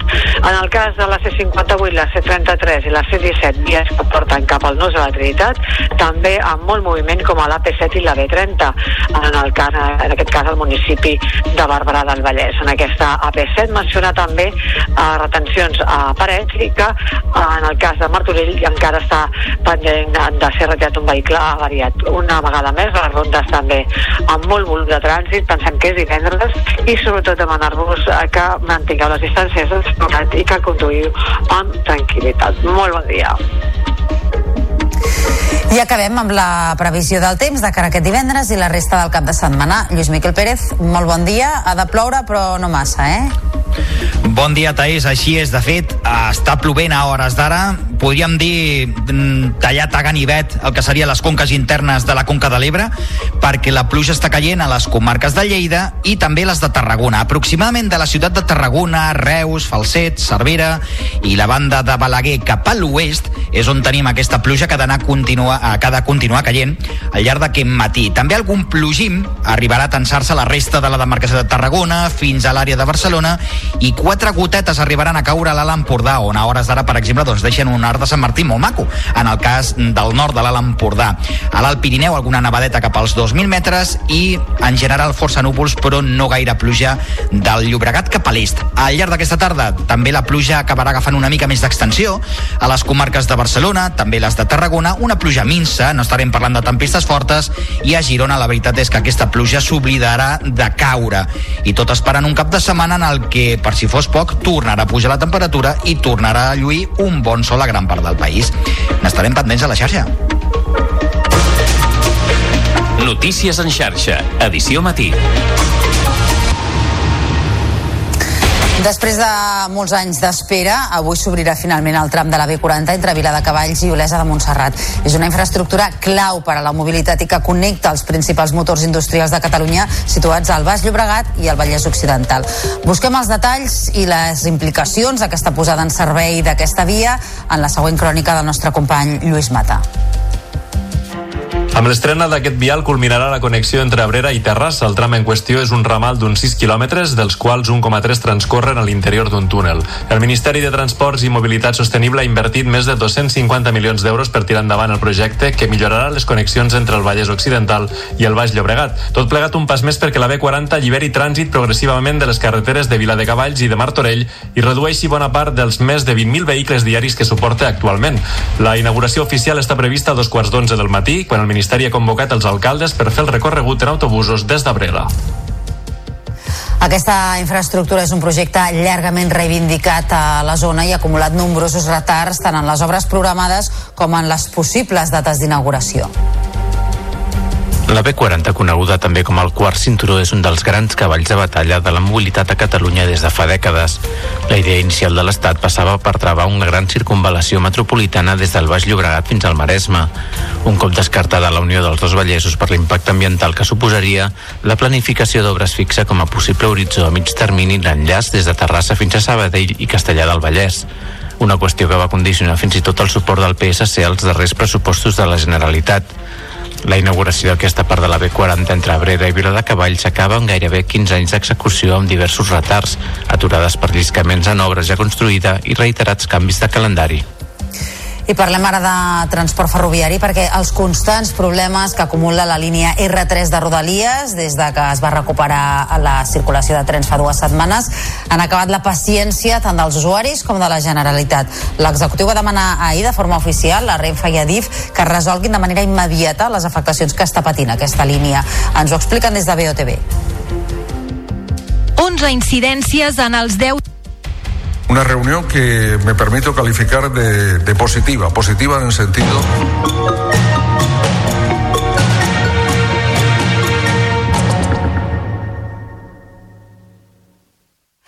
Madrid, el ministre d'Agricultura adquireix eh, nous compromisos amb les organitzacions agràries per intentar paivagar els ànims del sector. Lluís Planes els ha presentat un paquet de 18 mesures, entre les quals la creació d'una agència de control alimentari per incrementar les inspeccions a distribuïdores i superfícies comercials. També s'ha compromès a simplificar la càrrega burocràtica. Per això instarà Europa a flexibilitzar la PAC i farà voluntari el quadern digital del camp. Pel que fa a la competència deslleial de països tercers, el ministre Planes es responsabilitza a defensar en tots els fòrums internacionals el principi de reciprocitat dels productes fitosanitaris. Sindicats i organitzacions agràries reconeixen avenços, però per ara mantenen el calendari de mobilitzacions. Ahir mateix arribaven fins a les portes del Ministeri. Escoltem al ministre i a Miguel Padilla, de la Coordinadora d'Organitzacions d'Agricultors i Ramaders. Una reunión que me permito calificar de, positiva, positiva en el sentido de que hemos conseguido avanzar en una serie de temas que son la manifestación de los, eh, digamos, las preocupaciones eh, fundamentales que tienen hoy las organizaciones en nombre de agricultores y ganaderos de, España. Se abre un camino eh, nuevo en el sentido de que cosas que antes no se podían hacer, eran imposibles, pues ahora parece ser que son viables, ¿no? De poder llevar a cabo, de lo cual nos felicitamos, sin duda alguna. Pero faltan muchísimas concreciones, concreciones que ahora mismo no tenemos. I també ha reiterat el compromís amb pagesos i ramaders. Ha estat el conseller d'Acció Climàtica, David Mascort, ha aprofitat la Fira de l'Energia i la Construcció Sostenibles de Vic per recordar el paper capdalt del sector primari com a motor del país i els esforços que caldrà esmerçar-hi per oferir-los garanties de futur sigui posant transparència al mercat amb els preus, sigui fent que els productes que vinguin de fora compleixin les mateixes condicions que els nostres, sigui facilitant-los la vida i no posant-los més difícil des de les pròpies administracions, però al final la qüestió principal és que hem de ser capaços que es guanyin la vida. El sector privat pren la iniciativa en la lluita contra la sequera. El Gremi Hoteler de Lloret de Mar instal·larà una desalinitzadora portàtil a la platja del municipi per reduir els efectes de la manca d'aigua. L'Agència Catalana de l'Aigua assegura que desconeix el projecte, però obre la porta a estudiar-ne l'encaix. Tots els detalls en aquesta crònica de la televisió de Girona. La planta tindrà una capacitat per tractar fins a 50 metres cúbics d'aigua de mar per hora i es calcula que se'n necessiten menys de 10 per omplir les piscines. D'aquesta manera, els 40 restants es podran destinar a l'aigua de boca. Des del gremi afirmen que la intenció és que aquest model es pugui replicar a altres punts de la Costa Brava. Nosaltres hem sigut els primers en dir, escolta, no seria lògic que treballéssim només per emplenar les piscines, sinó que ja que ho fem, fem un esforç una miqueta més gran i que això serveixi per l'aigua de boca de tota la població. I pensem que això seria una cosa replicable a tota la costa i això també descarregaria eh, totes les les aigües de boca de l'interior perquè no hi haguessin tantes restriccions. D'aquesta manera, els empresaris gironins afirmen que estan treballant per pal·liar els efectes de la sequera i que és molt important enviar un missatge de tranquil·litat per assegurar una bona temporada turística. La Diputació de Girona, a través del Consorci d'Aigües de la Costa Brava Girona, ha engegat un pla de xoc per garantir el subministrament d'aigua de boca aquest estiu. Invertiran 4 milions i mig d'euros en l'obertura de nous pous. Més detalls en la següent crònica de la televisió de Girona. Les accions es basen en obrir nous pous, recuperar-ne d'abandonats i millorar el tractament de qualitat de l'aigua. Inclou, per exemple, la construcció d'un pou de captació a alta, reforçar el tractament potabilitzador de la planta de Montfullà o la construcció d'un seguit de pous de captació d'emergència a la vall baixa del riu Muga. Millora la qualitat, lluita contra les fugues i també captar aigües eh, mm, aigües profundes, no aigües superficials, per eh, millorar doncs, aquests aquífers i alhora poder eh, subministrar d'aigua aigua amb alta pels diferents eh, ajuntaments. Aquestes accions han de permetre garantir el subministrament de cares aquest estiu, una època en què el Consorci dona servei a un milió d'habitants. De cares al futur també s'impulsarà un pla pilot per purificar l'aigua depurada i emmagatzemar-la en aquífers costaners. Es tracta d'una tècnica que ja està en marxa a altres parts del món, com ara Califòrnia.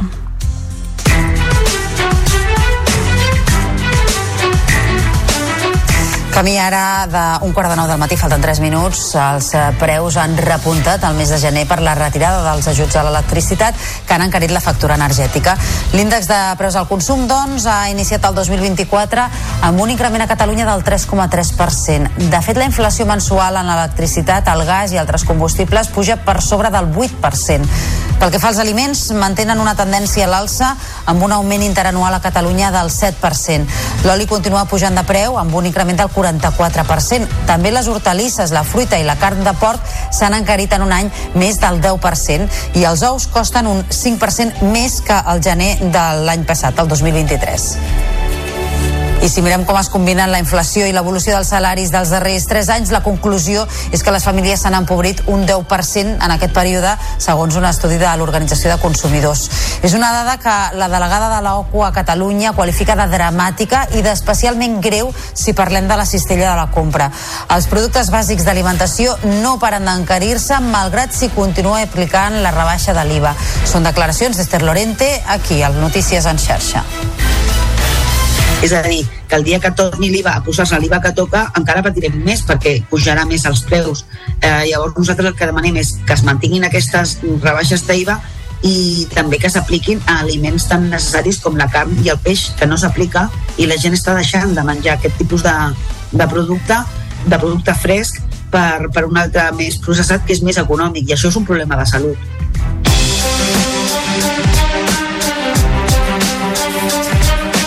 Plana política per parlar de les negociacions sobre els pressupostos de la Generalitat. Per tal de donar-hi el seu suport, Junts per Catalunya exigeix suprimir l'impost de successions. La formació també reclama la creació d'una unitat de Mossos d'Esquadra antiocupacions. De fet, els juntaires consideren que el soci prioritari del govern per als pressupostos és el PSC, però s'ofereixen a pactar-los per tal d'evitar, diuen, un intercanvi de cromos naïf entre els comptes de la Generalitat i els de l'Estat. Ens ho explica tot plegat la Montcada out. Junts per Catalunya ha lliurat 100 mesures al govern per negociar els pressupostos. Com a proposta fiscal hi ha bonificar el 99% l'impost de successions per cònjuges, pares i fills. I en seguretat crear una unitat de Mossos d'Esquadra per fer front a les ocupacions. La portaveu parlamentària de Junts, Mònica Sales, ha dit que són mesures realistes i que s'han de poder executar, però ha considerat que el govern ja ha triat el PSC com a soci. I evidentment traslladem aquesta oferta perquè pensem que el govern no pot caure en un intercanvi de cromos naïf entre entre Esquerra i els socialistes com s'intueix des de fa setmanes pels pressupostos de la Generalitat i de l'Estat espanyol. Junts també ha proposat 50 milions d'euros de suport al sector primari, industrial, turístic i esportiu per la sequera. Ha estat la segona reunió entre el govern i Junts. S'ha fet a Palau i ha durat 20 minuts. El govern de l'Ajuntament de Barcelona insisteix a desvincular el pacte entre les forces polítiques del consistori i l'aprovació del pressupost del 2024.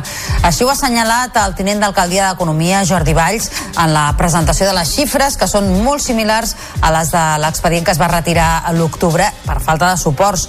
Tries per Barcelona i Barcelona en Comú insisteixen en lligar el pacte de govern amb el pressupost després que l'alcalde Jaume Collboni hagi anunciat que tornarà a portar els comptes a votació.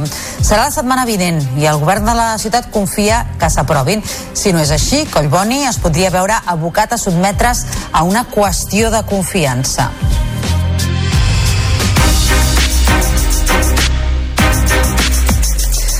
És ara un quart de nou del matí. El govern ha reforçat el servei d'atenció psicològica a les víctimes de violències masclistes o sexuals amb una trentena de psicòlogues disponibles les 24 hores dels 365 dies de l'any. L'atenció és immediata i presencial. El servei, que està en funcionament des de principis d'any, l'ha presentat la consellera d'Igualtat, Ània Verge, a Manresa. Ho ha seguit l'Eduard Font des de Canal Taronja Central. El servei va dirigit a totes les persones afectades per situacions de crisi provocades per violència masclista i es podrà activar, entre altres, a través del telèfon 900 900 120, els serveis d'intervenció especialitzada i els serveis d'informació i atenció a les dones. El SIC es va crear el 2008 i des d'aleshores els casos atesos han estat limitats. En un primer moment només es podia donar assistència a uns 5 casos l'any. El 2022 ja eren 25. El nou servei que ha presentat aquest dijous la titular de la Conselleria d'Igualtat té capacitat per fer 560 atencions anuals. El nou servei d'intervenció en crisi és clau per minimitzar l'impacte de la situació de crisi en les dones que han patit un fet de violència masclista i per mitigar els trastorns psicològics a mitjà i a llarg termini. Les 33 psicòlogues que formen part del servei estan repartides per tot el territori en diversos equips formats per una coordinadora tècnica, dues coordinadores operatives i fins a quatre psicòlogues. Un home ha estat eh, detingut a Saragossa per la Policia Nacional com a presumpte autor de la mort violenta d'un altre a Cambrils. Dilluns passat, la víctima va aparèixer ferida en un camí rural entre aquesta localitat i Vinyols i els Arts, al Baix Camp. Els primers indicis apuntaven a un atropellament intencionat. Els Mossos d'Esquadra han indicat que en el marc de la investigació van aconseguir identificar el presumpte autor de la mort i van transmetre una alarma a la resta de cossos estatals. Aquest matí es reuneix l'Ajuntament de Badalona amb la Generalitat per avaluar en una taula d'emergència conjunta la seguretat dels edificis construïts en la mateixa promoció que l'immoble enfonsat el passat dia 6 de febrer. I d'altra banda, el consistori badaloní proposarà la creació d'una línia d'ajudes per als afectats dels edificis adjacents que van haver de ser desallotjats. Justament ahir, els veïns van poder accedir als seus habitatges per recollir algunes de les seves pertinences. Un d'aquests veïns és la Sara Blanco, que viu als baixos del número 7, just al costat de l'edifici que es va esfondrar. I abans dels esports us expliquem la història del Linito, un mico caputxí que feia gairebé 35 anys que vivia tancat en una petita gàbia en un pis de Barcelona. La Fundació FADA, que ha aconseguit rescatar-lo, ha explicat que la propietària era una dona de 80 anys que no podia fer-se encàrrec. Reconeix que des de fa gairebé 10 anys el Linito no havia sortit de la gàbia de poc més d'un metre cúbic i sovint que estava bruta i sense llum directa. L'aspecte del mico estava força deteriorat. La Fundació va conèixer el cas l'any 2014, però fins ara no ha aconseguit alliberar-lo.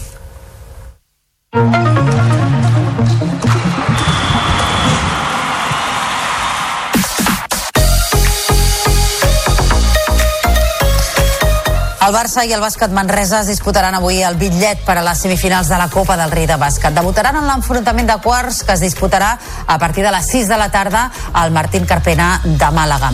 Els de Grimau, campions de 4 de les últimes 6 edicions, intentaran repetir l'actuació de fa 5 dies al Nou Congost quan es van endur la victòria. Els manresans, però, es van imposar en el duel de la primera volta. Qui guanyi demà jugarà el pas a la final contra el vencedor del Tenerife Unicaja. Ahir ja va quedar definida l'altra semifinal que enfrontarà el Real Madrid i el València. El tècnic blaurana, Roger Grimau, explica com afronten la competició.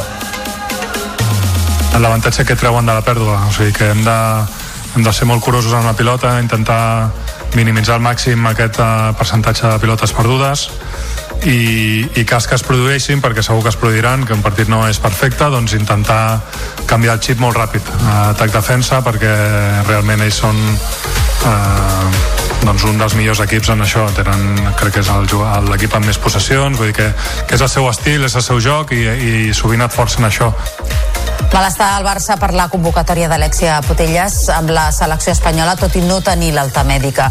La davantera ha acceptat entrar a la llista per a la disputa de la fase final de la Nations League, que arrencarà el 23 de febrer a Sevilla. Alexia no juga un partit des del mes de novembre i tot just aquesta setmana ha començat a fer part de l'entrenament amb el grup. La seleccionadora Montse Tomé ha explicat per què l'ha convocat. Valoramos como eh, una jugadora que tiene que estar en estos partidos. Sabemos el proceso que ha tenido a nivel de su rodilla y sabemos que está en un proceso de, readaptación con su club. Nuestra intención es que todo eso se siga elaborando con mucho cuidado desde servicios médicos. Tenemos, pues bueno, eh, la confianza de que pueda estar, pero tenemos que ver también pues, su proceso con mucho cuidado. I l'Espanyol rep demà el Mirandés a l'Stage Front Stadium amb la necessitat de guanyar per no allunyar-se encara més de les primeres posicions de la classificació. L'equip de Luis Miguel Ramis s'afronta un moment delicat i el tècnic va demanar ahir el suport de l'afició per sortir de la mala dinàmica en què es troba. Amb tot, la mala maró al club és una realitat i Ramis ha volgut ser realista sobre la situació dels pericos i la possibilitat de quedar-se fora de les places d'ascens. Si queréis que me suba la luna y pensar que no pueden ocurrir las cosas, yo no quiero que ocurran muchas cosas, pero pueden pasar. Pueden pasar, claro que pueden pasar, porque son reales en el mundo del fútbol, pero no las perseguimos, no están en nuestra cabeza. Pero pueden pasar, sí pueden pasar. Entonces, no, no engañemos a nadie. ¿eh? Ya os dije, no somos infinitamente superiores a nadie. Tenemos mucha categoría para pelear por lo que queremos como objetivo, sí, para mí sí. Y esto no, no me lo vais a hacer cambiar. Eh, pero seamos realistas. Es decir, si nosotros seguimos en una mala línea, no lo vamos a conseguir. La selecció espanyola femenina de waterpolo juga aquest matí a dos quarts de deu al partit davant Grècia amb el bronze mundial en joc. El combinat masculí tampoc disputarà la final després de caure a semifinals contra Itàlia per 8 a 6. La selecció, amb majoria de jugadors catalans, lluitarà demà pel tercer lloc amb França. I el Barça i el Palau afronten aquest cap de setmana la Copa Intercontinental d'Hockey Patins que es disputa a la localitat argentina de San Juan. Les ballesanes, que juguen la competició per primer cop en la seva història, debutaran demà davant l'Andes Talleres. I per altra banda, el Barça s'estrenarà la final a 4 contra el vigent campió de Sud-amèrica, la Unió Vecinal de Trinidad. Els Blaugrana aspiren a repetir l'èxit del 2018 quan van aixecar el títol. I a l'Hockey Lliga, el Finques Prats Lleida prepara un dels partits més importants de la temporada. Aquesta jornada rebrà l'equip revelació de la primera volta, el Sant Just. El duel arriba en un moment complicat per als lleidatans, que estan en zona de descens i que necessiten sumar per no complicar-se la permanència. El partit es podrà seguir diumenge per la xarxa més. El jugador llistat Jordi Badia analitza com plantegen el partit una ratxa de resultats, no de joc, jo penso. Llavors, jo penso que ens hem de fer aquesta part positiva i el vestuari ho està fent, de que el joc és bo, creem ocasions, ens estan entrant, ens entren algunes que, ostres, pot ser una mica mala sort i jo penso que estem tranquils, estem conscients de la situació, que també és important, i una mica pues, amb ganes de que el partit diumenge per poder intentar guanyar-lo.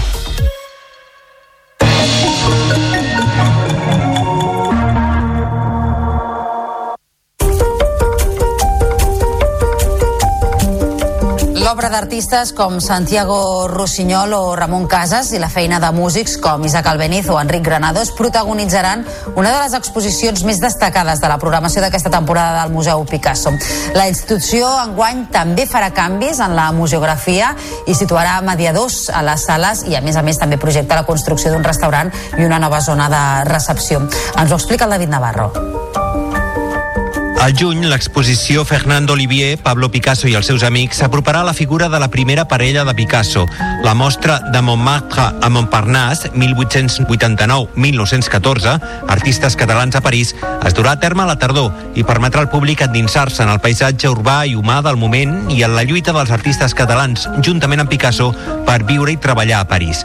El director del Museu Picasso, Emmanuel Guigon, ha explicat que és un moment clau. Se mezcla no solamente los pintores de varias generaciones, los más conocidos, Pulsiñol, Casas, Nonet, Sunier, etcétera, pero también los músicos, Albeniz, Pau Casals, Enrique Granados, los políticos, los ilustradores. Hay que recrear esta vida durante dos generaciones y el por qué la gente se encuentra. La primavera surrealista i Bernat Plossu, paisatges catalans a Picasso, són les altres grans exposicions d'una temporada que farà canvis a la museografia per afegir-hi obres i fer la visita més fluida. A més, es crearà una gran recepció pel museu i s'obrirà un restaurant. L'Animac, la mostra internacional de cinema d'animació de Catalunya, arrenca a Lleida amb la diversitat com a fil conductor del programa d'enguany. Fins diumenge es podran veure fins a 179 films, entre els quals n'hi ha denominats als Oscars i estrenes mundials. A la inauguració s'ha reconegut amb el Premi Honorífic a la directora d'Unostearra, Isabel Erguera, que no ha pogut assistir. El creador britànic Barry Parves sí que ha rebut presencialment el Premi Animation Master. La directora de l'Animac, Carolina López, destacava la qualitat d'aquesta 28a edició veurem uns curtmetratges, alguns dels quals molt guardonats arreu del món, com és el cas de 27, una producció hongaresa, o com és el cas de My Uniform, una pel·lícula que està nominada als Premis Oscars. També tindrem l'estrena mundial de Felina, de Maria Lorenzo, perdó, que ens acompanya aquesta nit. O sigui que serà una arrencada fantàstica La xarxa i Ràdio Televisió Espanyola s'alien per coproduir documentals en català a través d'una convocatòria oberta a productores audiovisuals. La dotació per a la coproducció és de 260.000 euros en dues categories, la de documental obert i la d'històries de proximitat. Els projectes es poden presentar fins als 15, fins al dia 15 de maig i els documentals seleccionats competiran al Mercat Audiovisual de Catalunya. Marc Melillas és el conseller delegat de la xarxa tracta de dinamitzar, impulsar en aquest sentit la, la producció de, de documentals i en aquest sentit amb una doble línia no? el, el documental eh, diguéssim obert, adreçat a, a totes les productores amb l'objectiu també d'enriquir les velles de, de promoció local no? i fomentar aquesta lògica de coproducció entre els operadors eh, diguéssim audiovisuals a Catalunya no?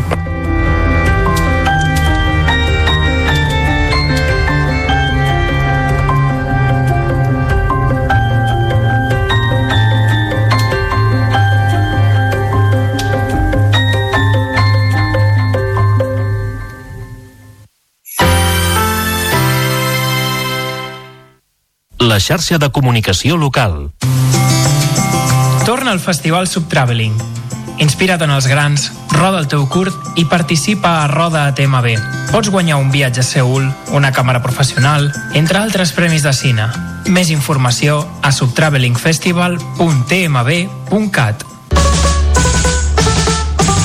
Propostes en xarxa. La primera meitat de l'any acostuma a tenir regust de jazz en moltes poblacions catalanes. Una de les que fa temps que aposta per un festival amb el jazz com a protagonista és Granollers. Aquest any, a més a més, ho fa amb novetats. De gener, la capital del Vallès Oriental donava el tret de sortida al 34è Festival de Jazz de Granollers, un esdeveniment que s'estira fins al 22 de març, tot repartint una quinzena de concerts a diferents espais. En aquesta edició, el festival recupera les propostes internacionals i estrena l'església de Sant Esteve com a escenari. De fet, no és l'únic del certamen. El casino, el teatre auditori, el cinema Edison i alguns restaurants de la ciutat també acullen algunes cites. Hi podreu veure i escoltar el pianista britànic britànic Kit Downs, la Big Band de Granollers, que aquest any celebra el seu 30è aniversari, o una pel·lícula molt lligada al festival. També hi trobareu l'Alfons Bertran Trio, Marco Mezquida, Alba Armengou, i tampoc hi faltaran propostes locals i algunes fins i tot emblemàtiques, com el concert de Cluenda de Jazz Granollers Ensemble, tot un clàssic que aquest any comptarà amb la col·laboració del pianista Joan Díaz. Fins al 22 de març, 34è Festival de Jazz de Granollers. En trobareu tota la informació al web jazzgranollers.com. La xarxa de comunicació local.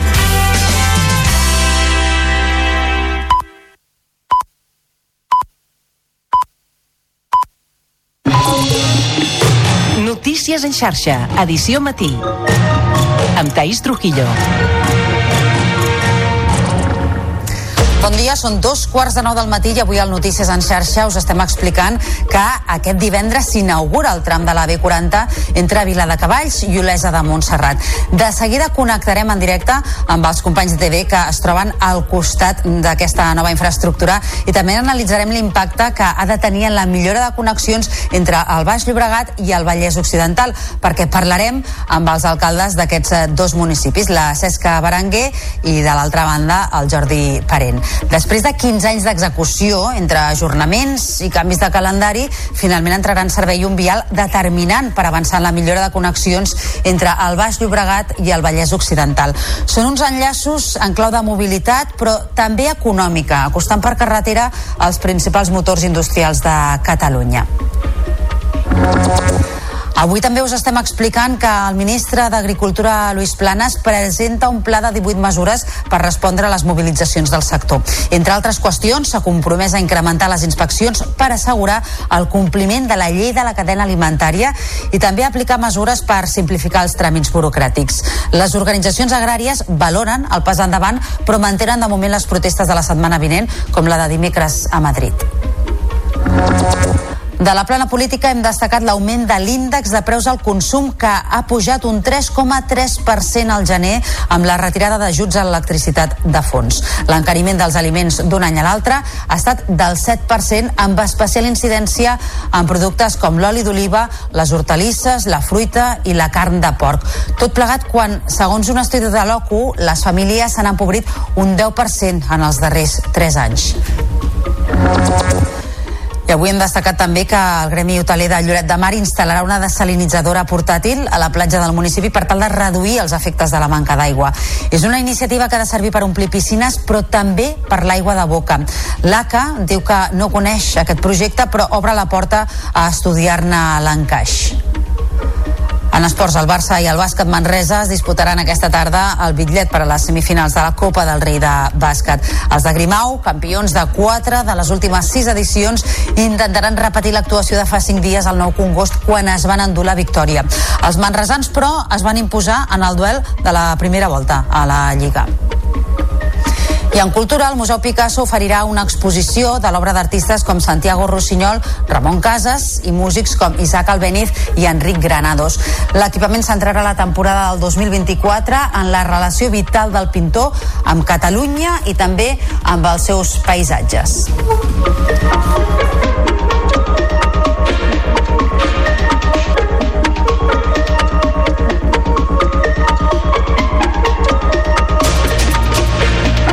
Notícies en xarxa, edició matí.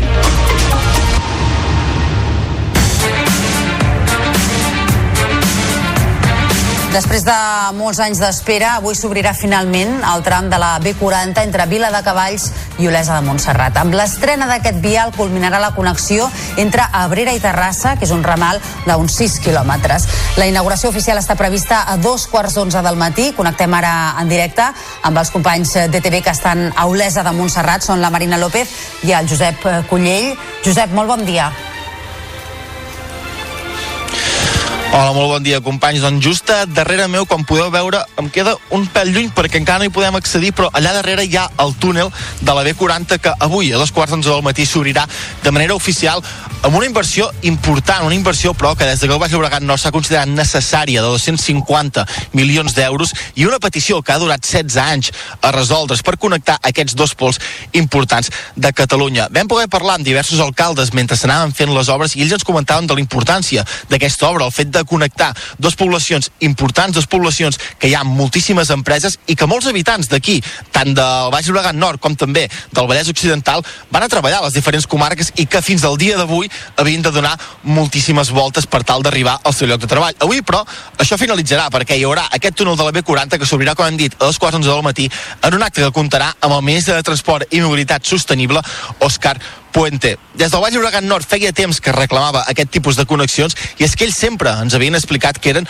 com entre cometes, el gran oblidat de la comarca, ja que el Baix Llobregat surt, evidentment, per la seva circumstància d'estar a prop de Barcelona, sempre està molt, més ben connectat, i aquí sempre ens comentaven que ells tenien connexions molt dolentes que avui aniran una miqueta millor gràcies a aquest túnel de la B40. En total, de punta a punta, la carretera constarà de 13 com a 2 quilòmetres i esperen que amb aquesta obertura finalitzin tots aquests problemes de mobilitat que hi havia fins ara. El túnel, per acabar, es dirà túnel de Voltrera, com a patrimoni cultural que hi ha aquí a Brera, que hi ha el castell de Voltrera, per tant, s'ha agafat aquest nom com el túnel, que com dèiem, a partir de dos quarts d'onze es farà un recorregut per dintre, s'estrenarà aquesta primera obra amb un autobús, amb totes les, amb totes les autoritats, amb tots els alcaldes del Baix Llobregat Nord i també amb autoritats dels governs català i espanyol. Josep Cullell, companys de TV, gràcies per aquesta connexió en directe des d'Olesa. Molt bon dia. La B40, eh, coneguda també com el quart cinturó, la Ronda Vallès, és un dels grans cavalls de batalla de la mobilitat a Catalunya des de fa dècades. La inauguració d'aquest tram d'autovia acaba amb gairebé 15 anys d'execució, amb diversos retards, aturades per lliscaments en obra ja construïda i reiterats canvis de calendari. Després d'aquesta llarga espera, volem saber com afronten l'entrada en servei d'aquesta nova autovia els dos alcaldes dels municipis que des d'avui estaran més a prop i millor connectats. Saludem d'una banda a Cesca Berenguer, alcaldessa de Vila de Cavalls. Molt bon dia, Cesca. Molt bon dia. I d'altra banda, també diem bon matí, hola, a Jordi Parent, que és l'alcalde d'Olesa de Montserrat. Senyor Parent, molt bon dia. Hola, bon dia. Quines són les seves primeres impressions en una jornada com la d'avui, en la que diem, hem anat explicant ja que aquests dos municipis, però també Abrera i Terrassa, estan molt més a prop que, que fins ara? Bé, ah, començo jo. Sí. Uh, bé, mm, en realitat tinc sensacions contradictòries. Uh, una mica descans que per fi començarà a funcionar aquesta via i que serà una connexió uh, pues, entre el Vallès Occidental i el, Valle, i el Baix Llobregat molt més ràpida i per tant els polígons industrials de, de Vila de Cavalls estaran doncs, molt més ben connectats no? I, i, i a més a més situats a, a un nivell estratègic però també amb una preocupació per, per veure com, com això impacta no? amb, la, amb la nostra població perquè evidentment de ser una zona de bosc passem a, a una via que segurament serà molt transitada i això donarà moltes molèsties al nostre municipi. Amb reserves, doncs, eh, Jordi, com, com ho afronteu vosaltres des d'Olesa? Bé, d'entrada, eh, amb una felicitat de gairebé de descansar de, que ja era hora que s'acabés aquesta via tan desitjada tant per la zona del Vallès com per la zona del Baix Llobregat Nord. No? Al final, eh, aquesta via eh, ens, ens ajuda a acostar al poble d'Olesa i al Baix Llobregat Nord eh, als Vallesos, a Terrassa i, i tal com dèieu a l'informatiu doncs, eh, tenim molta gent que diàriament ha d'anar a Terrassa i havia d'anar-hi per una, una carretera hi havia perillositat perquè hi havia moltíssimes corbes i el fet que s'obri això primer fa que la mobilitat eh, de la ciutadania d'Olesa doncs, eh, eh, sigui molt més àgil i, i molt més bona. No?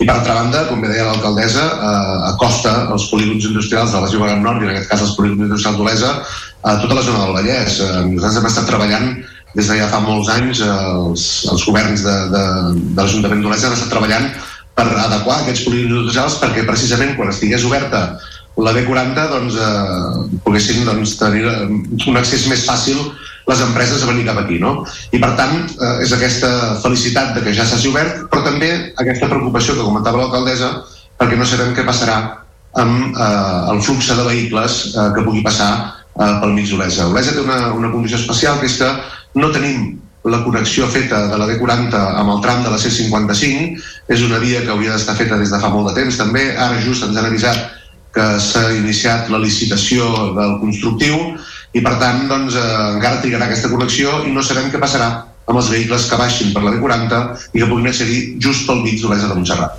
Quins són els possibles riscos d'aquest increment de trànsit per la zona dels dos municipis? Alcaldessa. Bé, per nosaltres mm, ja fa temps que estem patint eh, i, i encara no estava oberta aquesta via eh, perquè a més a més a l'entrada, quan sortim de Vila de Cavalls la, les primeres entrades són a Terrassa i no està finalitzat eh, el tram, aquest tram d'entrada de, a Terrassa no? I, i per tant de sortida de la C16 eh, no estan finalitzades ni molt menys i encara els hi falta molt, molt temps per, per aquesta finalització. I jo em temo molt que aquest flux que suposo que serà molt important que, que agafarà la, els ramals i, i la C16 que, que ja està en funcionament faran un embut. I per tant podria ser que hi hagués eh, molt conflicte amb, amb la mobilitat de, de tota aquesta zona. I en el cas d'Olesa? Bé, per nosaltres és una incògnita. No sabem exactament eh, quin serà el flux que ens pugui passar pel, pel centre de, del poble. Segur que serà molt més que el que tenim ara, evidentment, perquè aquesta connexió farà que hi hagi molta gent eh, que pugui baixar cap a la zona i en lloc d'accedir cap a Abrera o cap a Esparreguera per anar a Lleida o a Barcelona, doncs pugui entrar cap a Olesa de Montserrat per accedir a la C55 i, per tant, eh, aquesta connexió que ara s'haurà de fer per dins del poble doncs eh, pot ser que compliqui una mica el dia a dia del, del nostre municipi per al que fa el flux de vehicles normals també tenim por que hi hagin vehicles d'alt tonelatge eh, que vulguin accedir als nostres polígons i que ho facin pel centre del, del poble, no?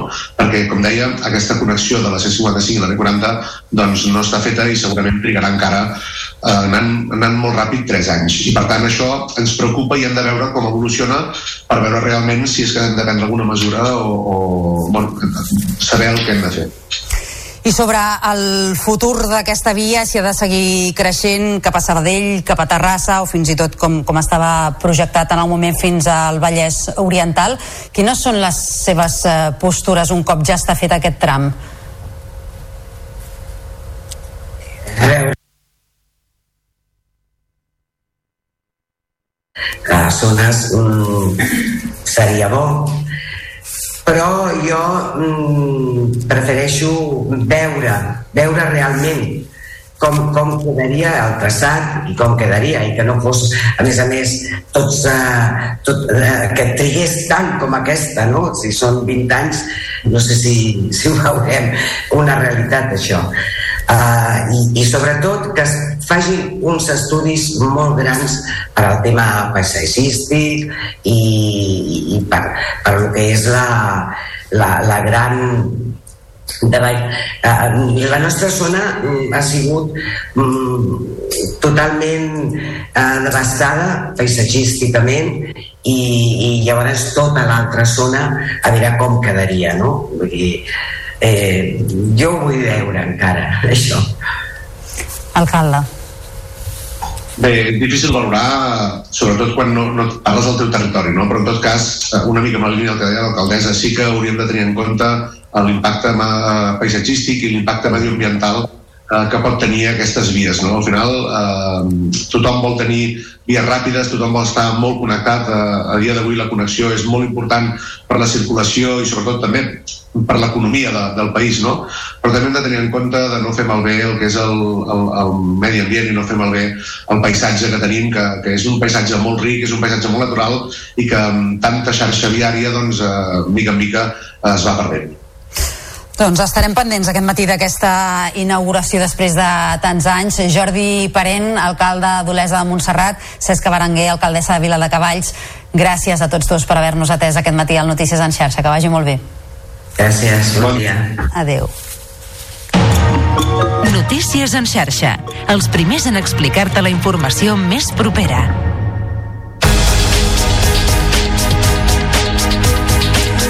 Els preus han repuntat el mes de gener per la retirada dels ajuts a l'electricitat que han encarit la factura energètica. L'índex de preus al consum, doncs, ha iniciat el 2024 amb un increment a Catalunya del 3,3%. De fet, la inflació mensual en l'electricitat, el gas i altres combustibles puja per sobre del 8%. Pel que fa als aliments, mantenen una tendència a l'alça amb un augment interanual a Catalunya del 7%.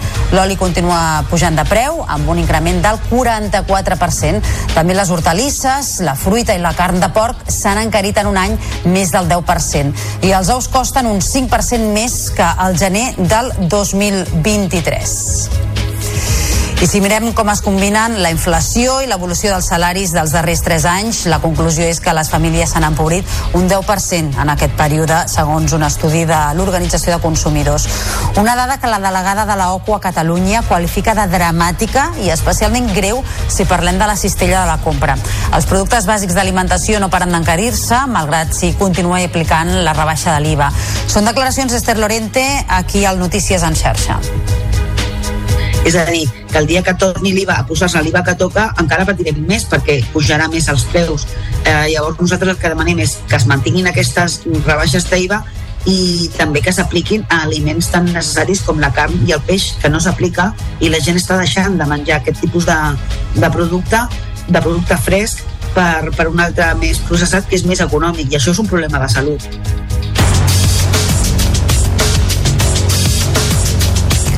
A Madrid, el ministre d'Agricultura adquireix nous compromisos amb les organitzacions agràries per intentar apaivagar els ànims del sector. Luis Planas els ha presentat un paquet de 18 mesures, entre les quals hi ha la creació d'una agència de control alimentari per incrementar les inspeccions a distribuïdors i superfícies comercials. També s'ha compromès a simplificar la càrrega burocràtica. Per això instarà a Europa a flexibilitzar la PAC i farà voluntari el quadern digital del camp. Pel que fa a la competència deslleial deslleial de països tercers, el ministre Planes es responsabilitza a defensar en tots els fòrums internacionals el principi de reciprocitat dels productes fitosanitaris. Sindicats i organitzacions agràries reconeixen avenços, però per ara mantenen el calendari de mobilitzacions. Ahir mateix arribaven fins a les portes del Ministeri. Escoltem el ministre i també a Miguel Padilla, de la Coordinadora d'Organitzacions d'Agricultors i Ramaders. Una reunión que me permito calificar de, positiva, positiva en el sentido de que hemos conseguido avanzar en una serie de temas que son la manifestación de los, eh, digamos, las preocupaciones eh, fundamentales que tienen hoy las organizaciones en nombre de agricultores y ganaderos de, de España. Se abre un camino eh, nuevo en el sentido de que cosas que antes no se podían hacer, que eran imposibles, pues ahora parece ser que son viables, ¿no? De poder llevar a cabo, de lo cual nos felicitamos, sin duda alguna. Pero faltan muchísimas concreciones, concreciones que ahora mismo no tenemos. El sector privat pren la iniciativa en la lluita contra la sequera. El Gremi Hoteler de Lloret de Mar instal·larà una desalinitzadora portàtil a la platja del municipi per reduir els efectes de la manca d'aigua. La CA assegura que desconeix el projecte, però obre la porta a estudiar-ne l'encaix. Ens ho expliquen des de la televisió de Girona. La planta tindrà una capacitat per tractar fins a 50 metres cúbics d'aigua de mar per hora i es calcula que se'n necessiten menys de 10 per omplir les piscines. D'aquesta manera, els 40 restants es podran destinar a l'aigua de boca.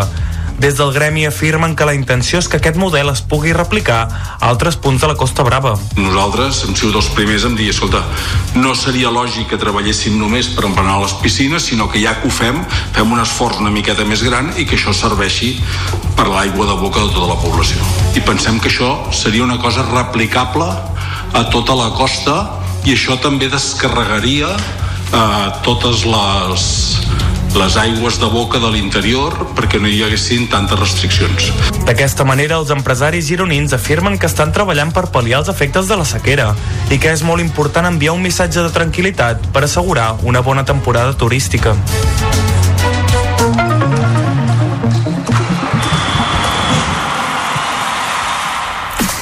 Poc més de 10 minuts perquè siguin les 9 en punt del matí repassem tota l'actualitat esportiva. Cristina, molt bon dia. El Barça i el Manresa s'enfronten avui per un lloc a les semifinals de la Copa del Rei de bàsquet. Sí, eh, duel directe entre els equips catalans aquesta tarda. A Màlaga el partit arrencarà a les 6 de la tarda. El Martín Carpena, els blaugranes, han guanyat 4 de les últimes 6 edicions i aquesta tarda intentaran repetir l'actuació d'ara fa 5 dies al Nou Congost quan es van endur la victòria. Per als manresans el referent és el duel que, en què es van imposar a la primera volta. Qui guanyi demà jugarà l'accés a la final contra el vencedor del Tenerife Unicaja.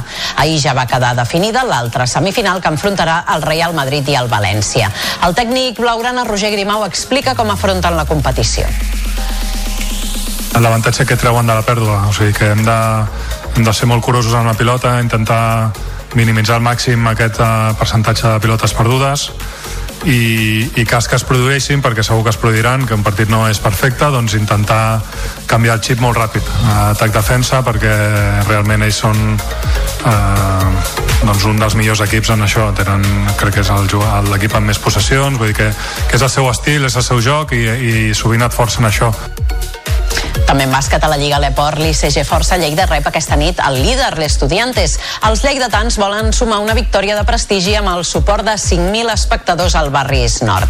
Ens amplia la informació des de Lleida TV, Aleix Vergés.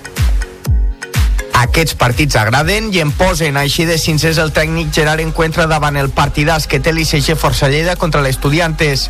Arriba un dels millors partits de l'Aleport on els lleidatans volen sumar una victòria contra el millor equip de la competició. Aquests partits són els uh, on hi ha un ha xivarri, un ha caliu uh, són els partits divertits, xulos, no?, que en dic jo, uh, que hi hagi gent, que se senti un bon ambient de bàsquet. Un Gerard Encuentra que se n'alegra de que la ciutat respongui al partidàs i el club obri la part superior del pavelló. El tècnic espera que el públic sigui el sisè jugador. Tenen un molt bon entrenador com el, com el Pedro Rivero, que ho està gestionant molt bé, i bueno, uh, està clar que serà un partit complicadíssim, però bueno, nosaltres juguem esperem amb 5.000 persones, no?, que és el hashtag. Un partit que es disputa a les 9. Malestar al Barça per la convocatòria d'Alexia Putelles amb la selecció espanyola tot i no tenir l'alta mèdica. La davantera ha acceptat entrar a la llista per a la disputa de la fase final de la Nations League que arrencarà el 23 de febrer a Sevilla. Alexia no juga un partit des del mes de novembre i tot just aquesta setmana ha començat a fer part de l'entrenament amb el grup. La seleccionadora Montse Tomé ha explicat per què l'ha convocat. Valoramos como eh, una jugadora que tiene que estar en estos partidos. Sabemos el proceso que ha tenido a nivel de su rodilla y sabemos que está en un proceso de, de, readaptación con su club. Nuestra intención es que todo eso se siga elaborando con mucho cuidado desde servicios médicos. Tenemos, pues bueno, eh, la confianza de que pueda estar, pero tenemos que ver también pues, su proceso con mucho cuidado. I la selecció espanyola femenina de waterpolo es juga aquest matí a dos quarts de deu la medalla de bronze del Mundial de Doha contra Grècia. El combinat masculí tampoc disputarà la final després de caure a semifinals contra Itàlia per 8 a 6. La selecció amb majoria de jugadors catalans lluitarà demà pel tercer lloc amb França doncs ni el femení ni el masculí han pogut classificar-se per la final, sí que optaran a la medalla de bronze. Gràcies, Cristina. Bon cap de setmana. Igualment. Nosaltres obrim plana cultural explicant-vos que l'obra d'artistes com Santiago Rossinyol o Ramon Casas i de músics com Enric Granados o Isaac Albeniz protagonitzaran una de les exposicions més destacades d'aquest any, d'aquesta temporada del Museu Picasso, una institució, per cert, que també farà canvis. Ens ho explica tot plegat el David Navarro. Al juny, l'exposició Fernando Olivier, Pablo Picasso i els seus amics s'aproparà a la figura de la primera parella de Picasso. La mostra de Montmartre a Montparnasse, 1889-1914, artistes catalans a París, es durà a terme a la tardor i permetrà al públic endinsar-se en el paisatge urbà i humà del moment i en la lluita dels artistes catalans, juntament amb Picasso, per viure i treballar a París. El director del Museu Picasso, Emmanuel Guigon, ha explicat que és un moment clau. Se mezcla no solamente los pintores de varias generaciones, pues los más conocidos, Pulsignol, Casas, Nonet, Sunier, etcétera, pero también los músicos, Albeniz, Pau Casals, Enrique Granados, los políticos, los ilustradores.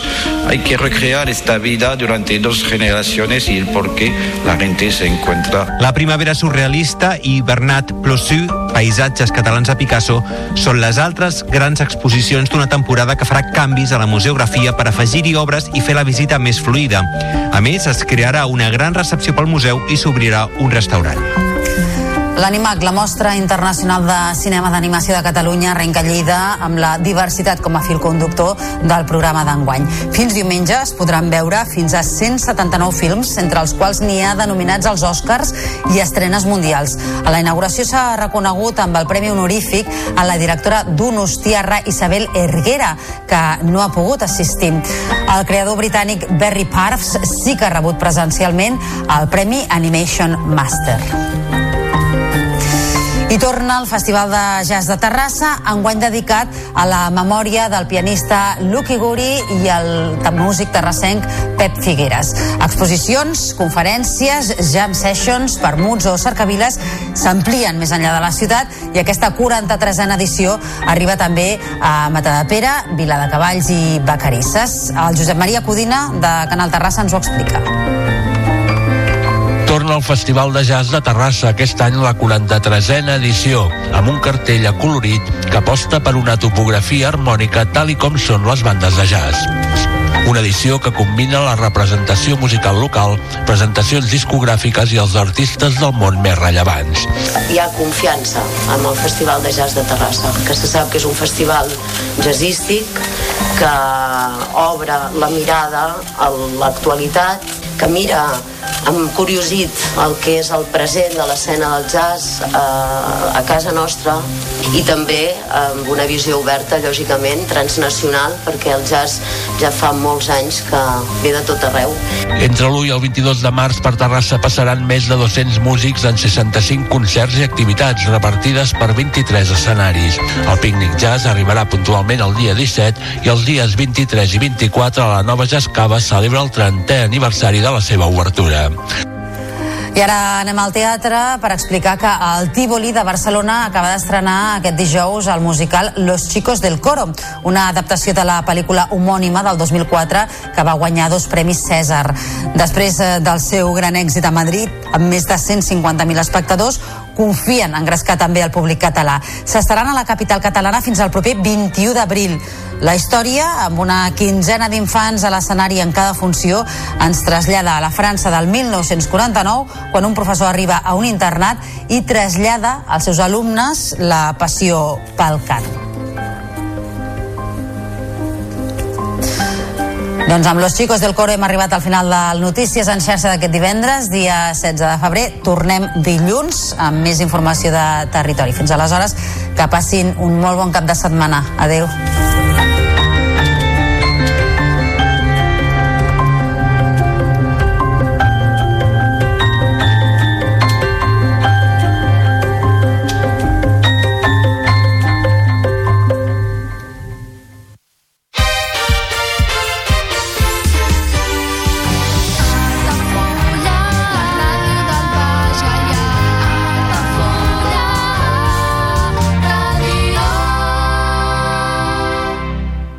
Ja coneixes les propostes que t'ofereix el Club Marítim Altafulla? Vine i descobreix totes les nostres activitats. Sortides en caiac o pa del surf, cursos de vela per a totes les edats. No t'ho perdis. Club Marítim Altafulla. Obert tot l'any i per a tothom. Comunions 2024. Dates ja disponibles amb sales privades, jardí, pàrquing privat i la millor gastronomia. Més informació i reserves al 977 65 11 55 i a comercial arroba altafullamarotel.com o al web altafullamarotel.com. Les teves celebracions familiars a l'Altafulla Mar Hotel. La Mercès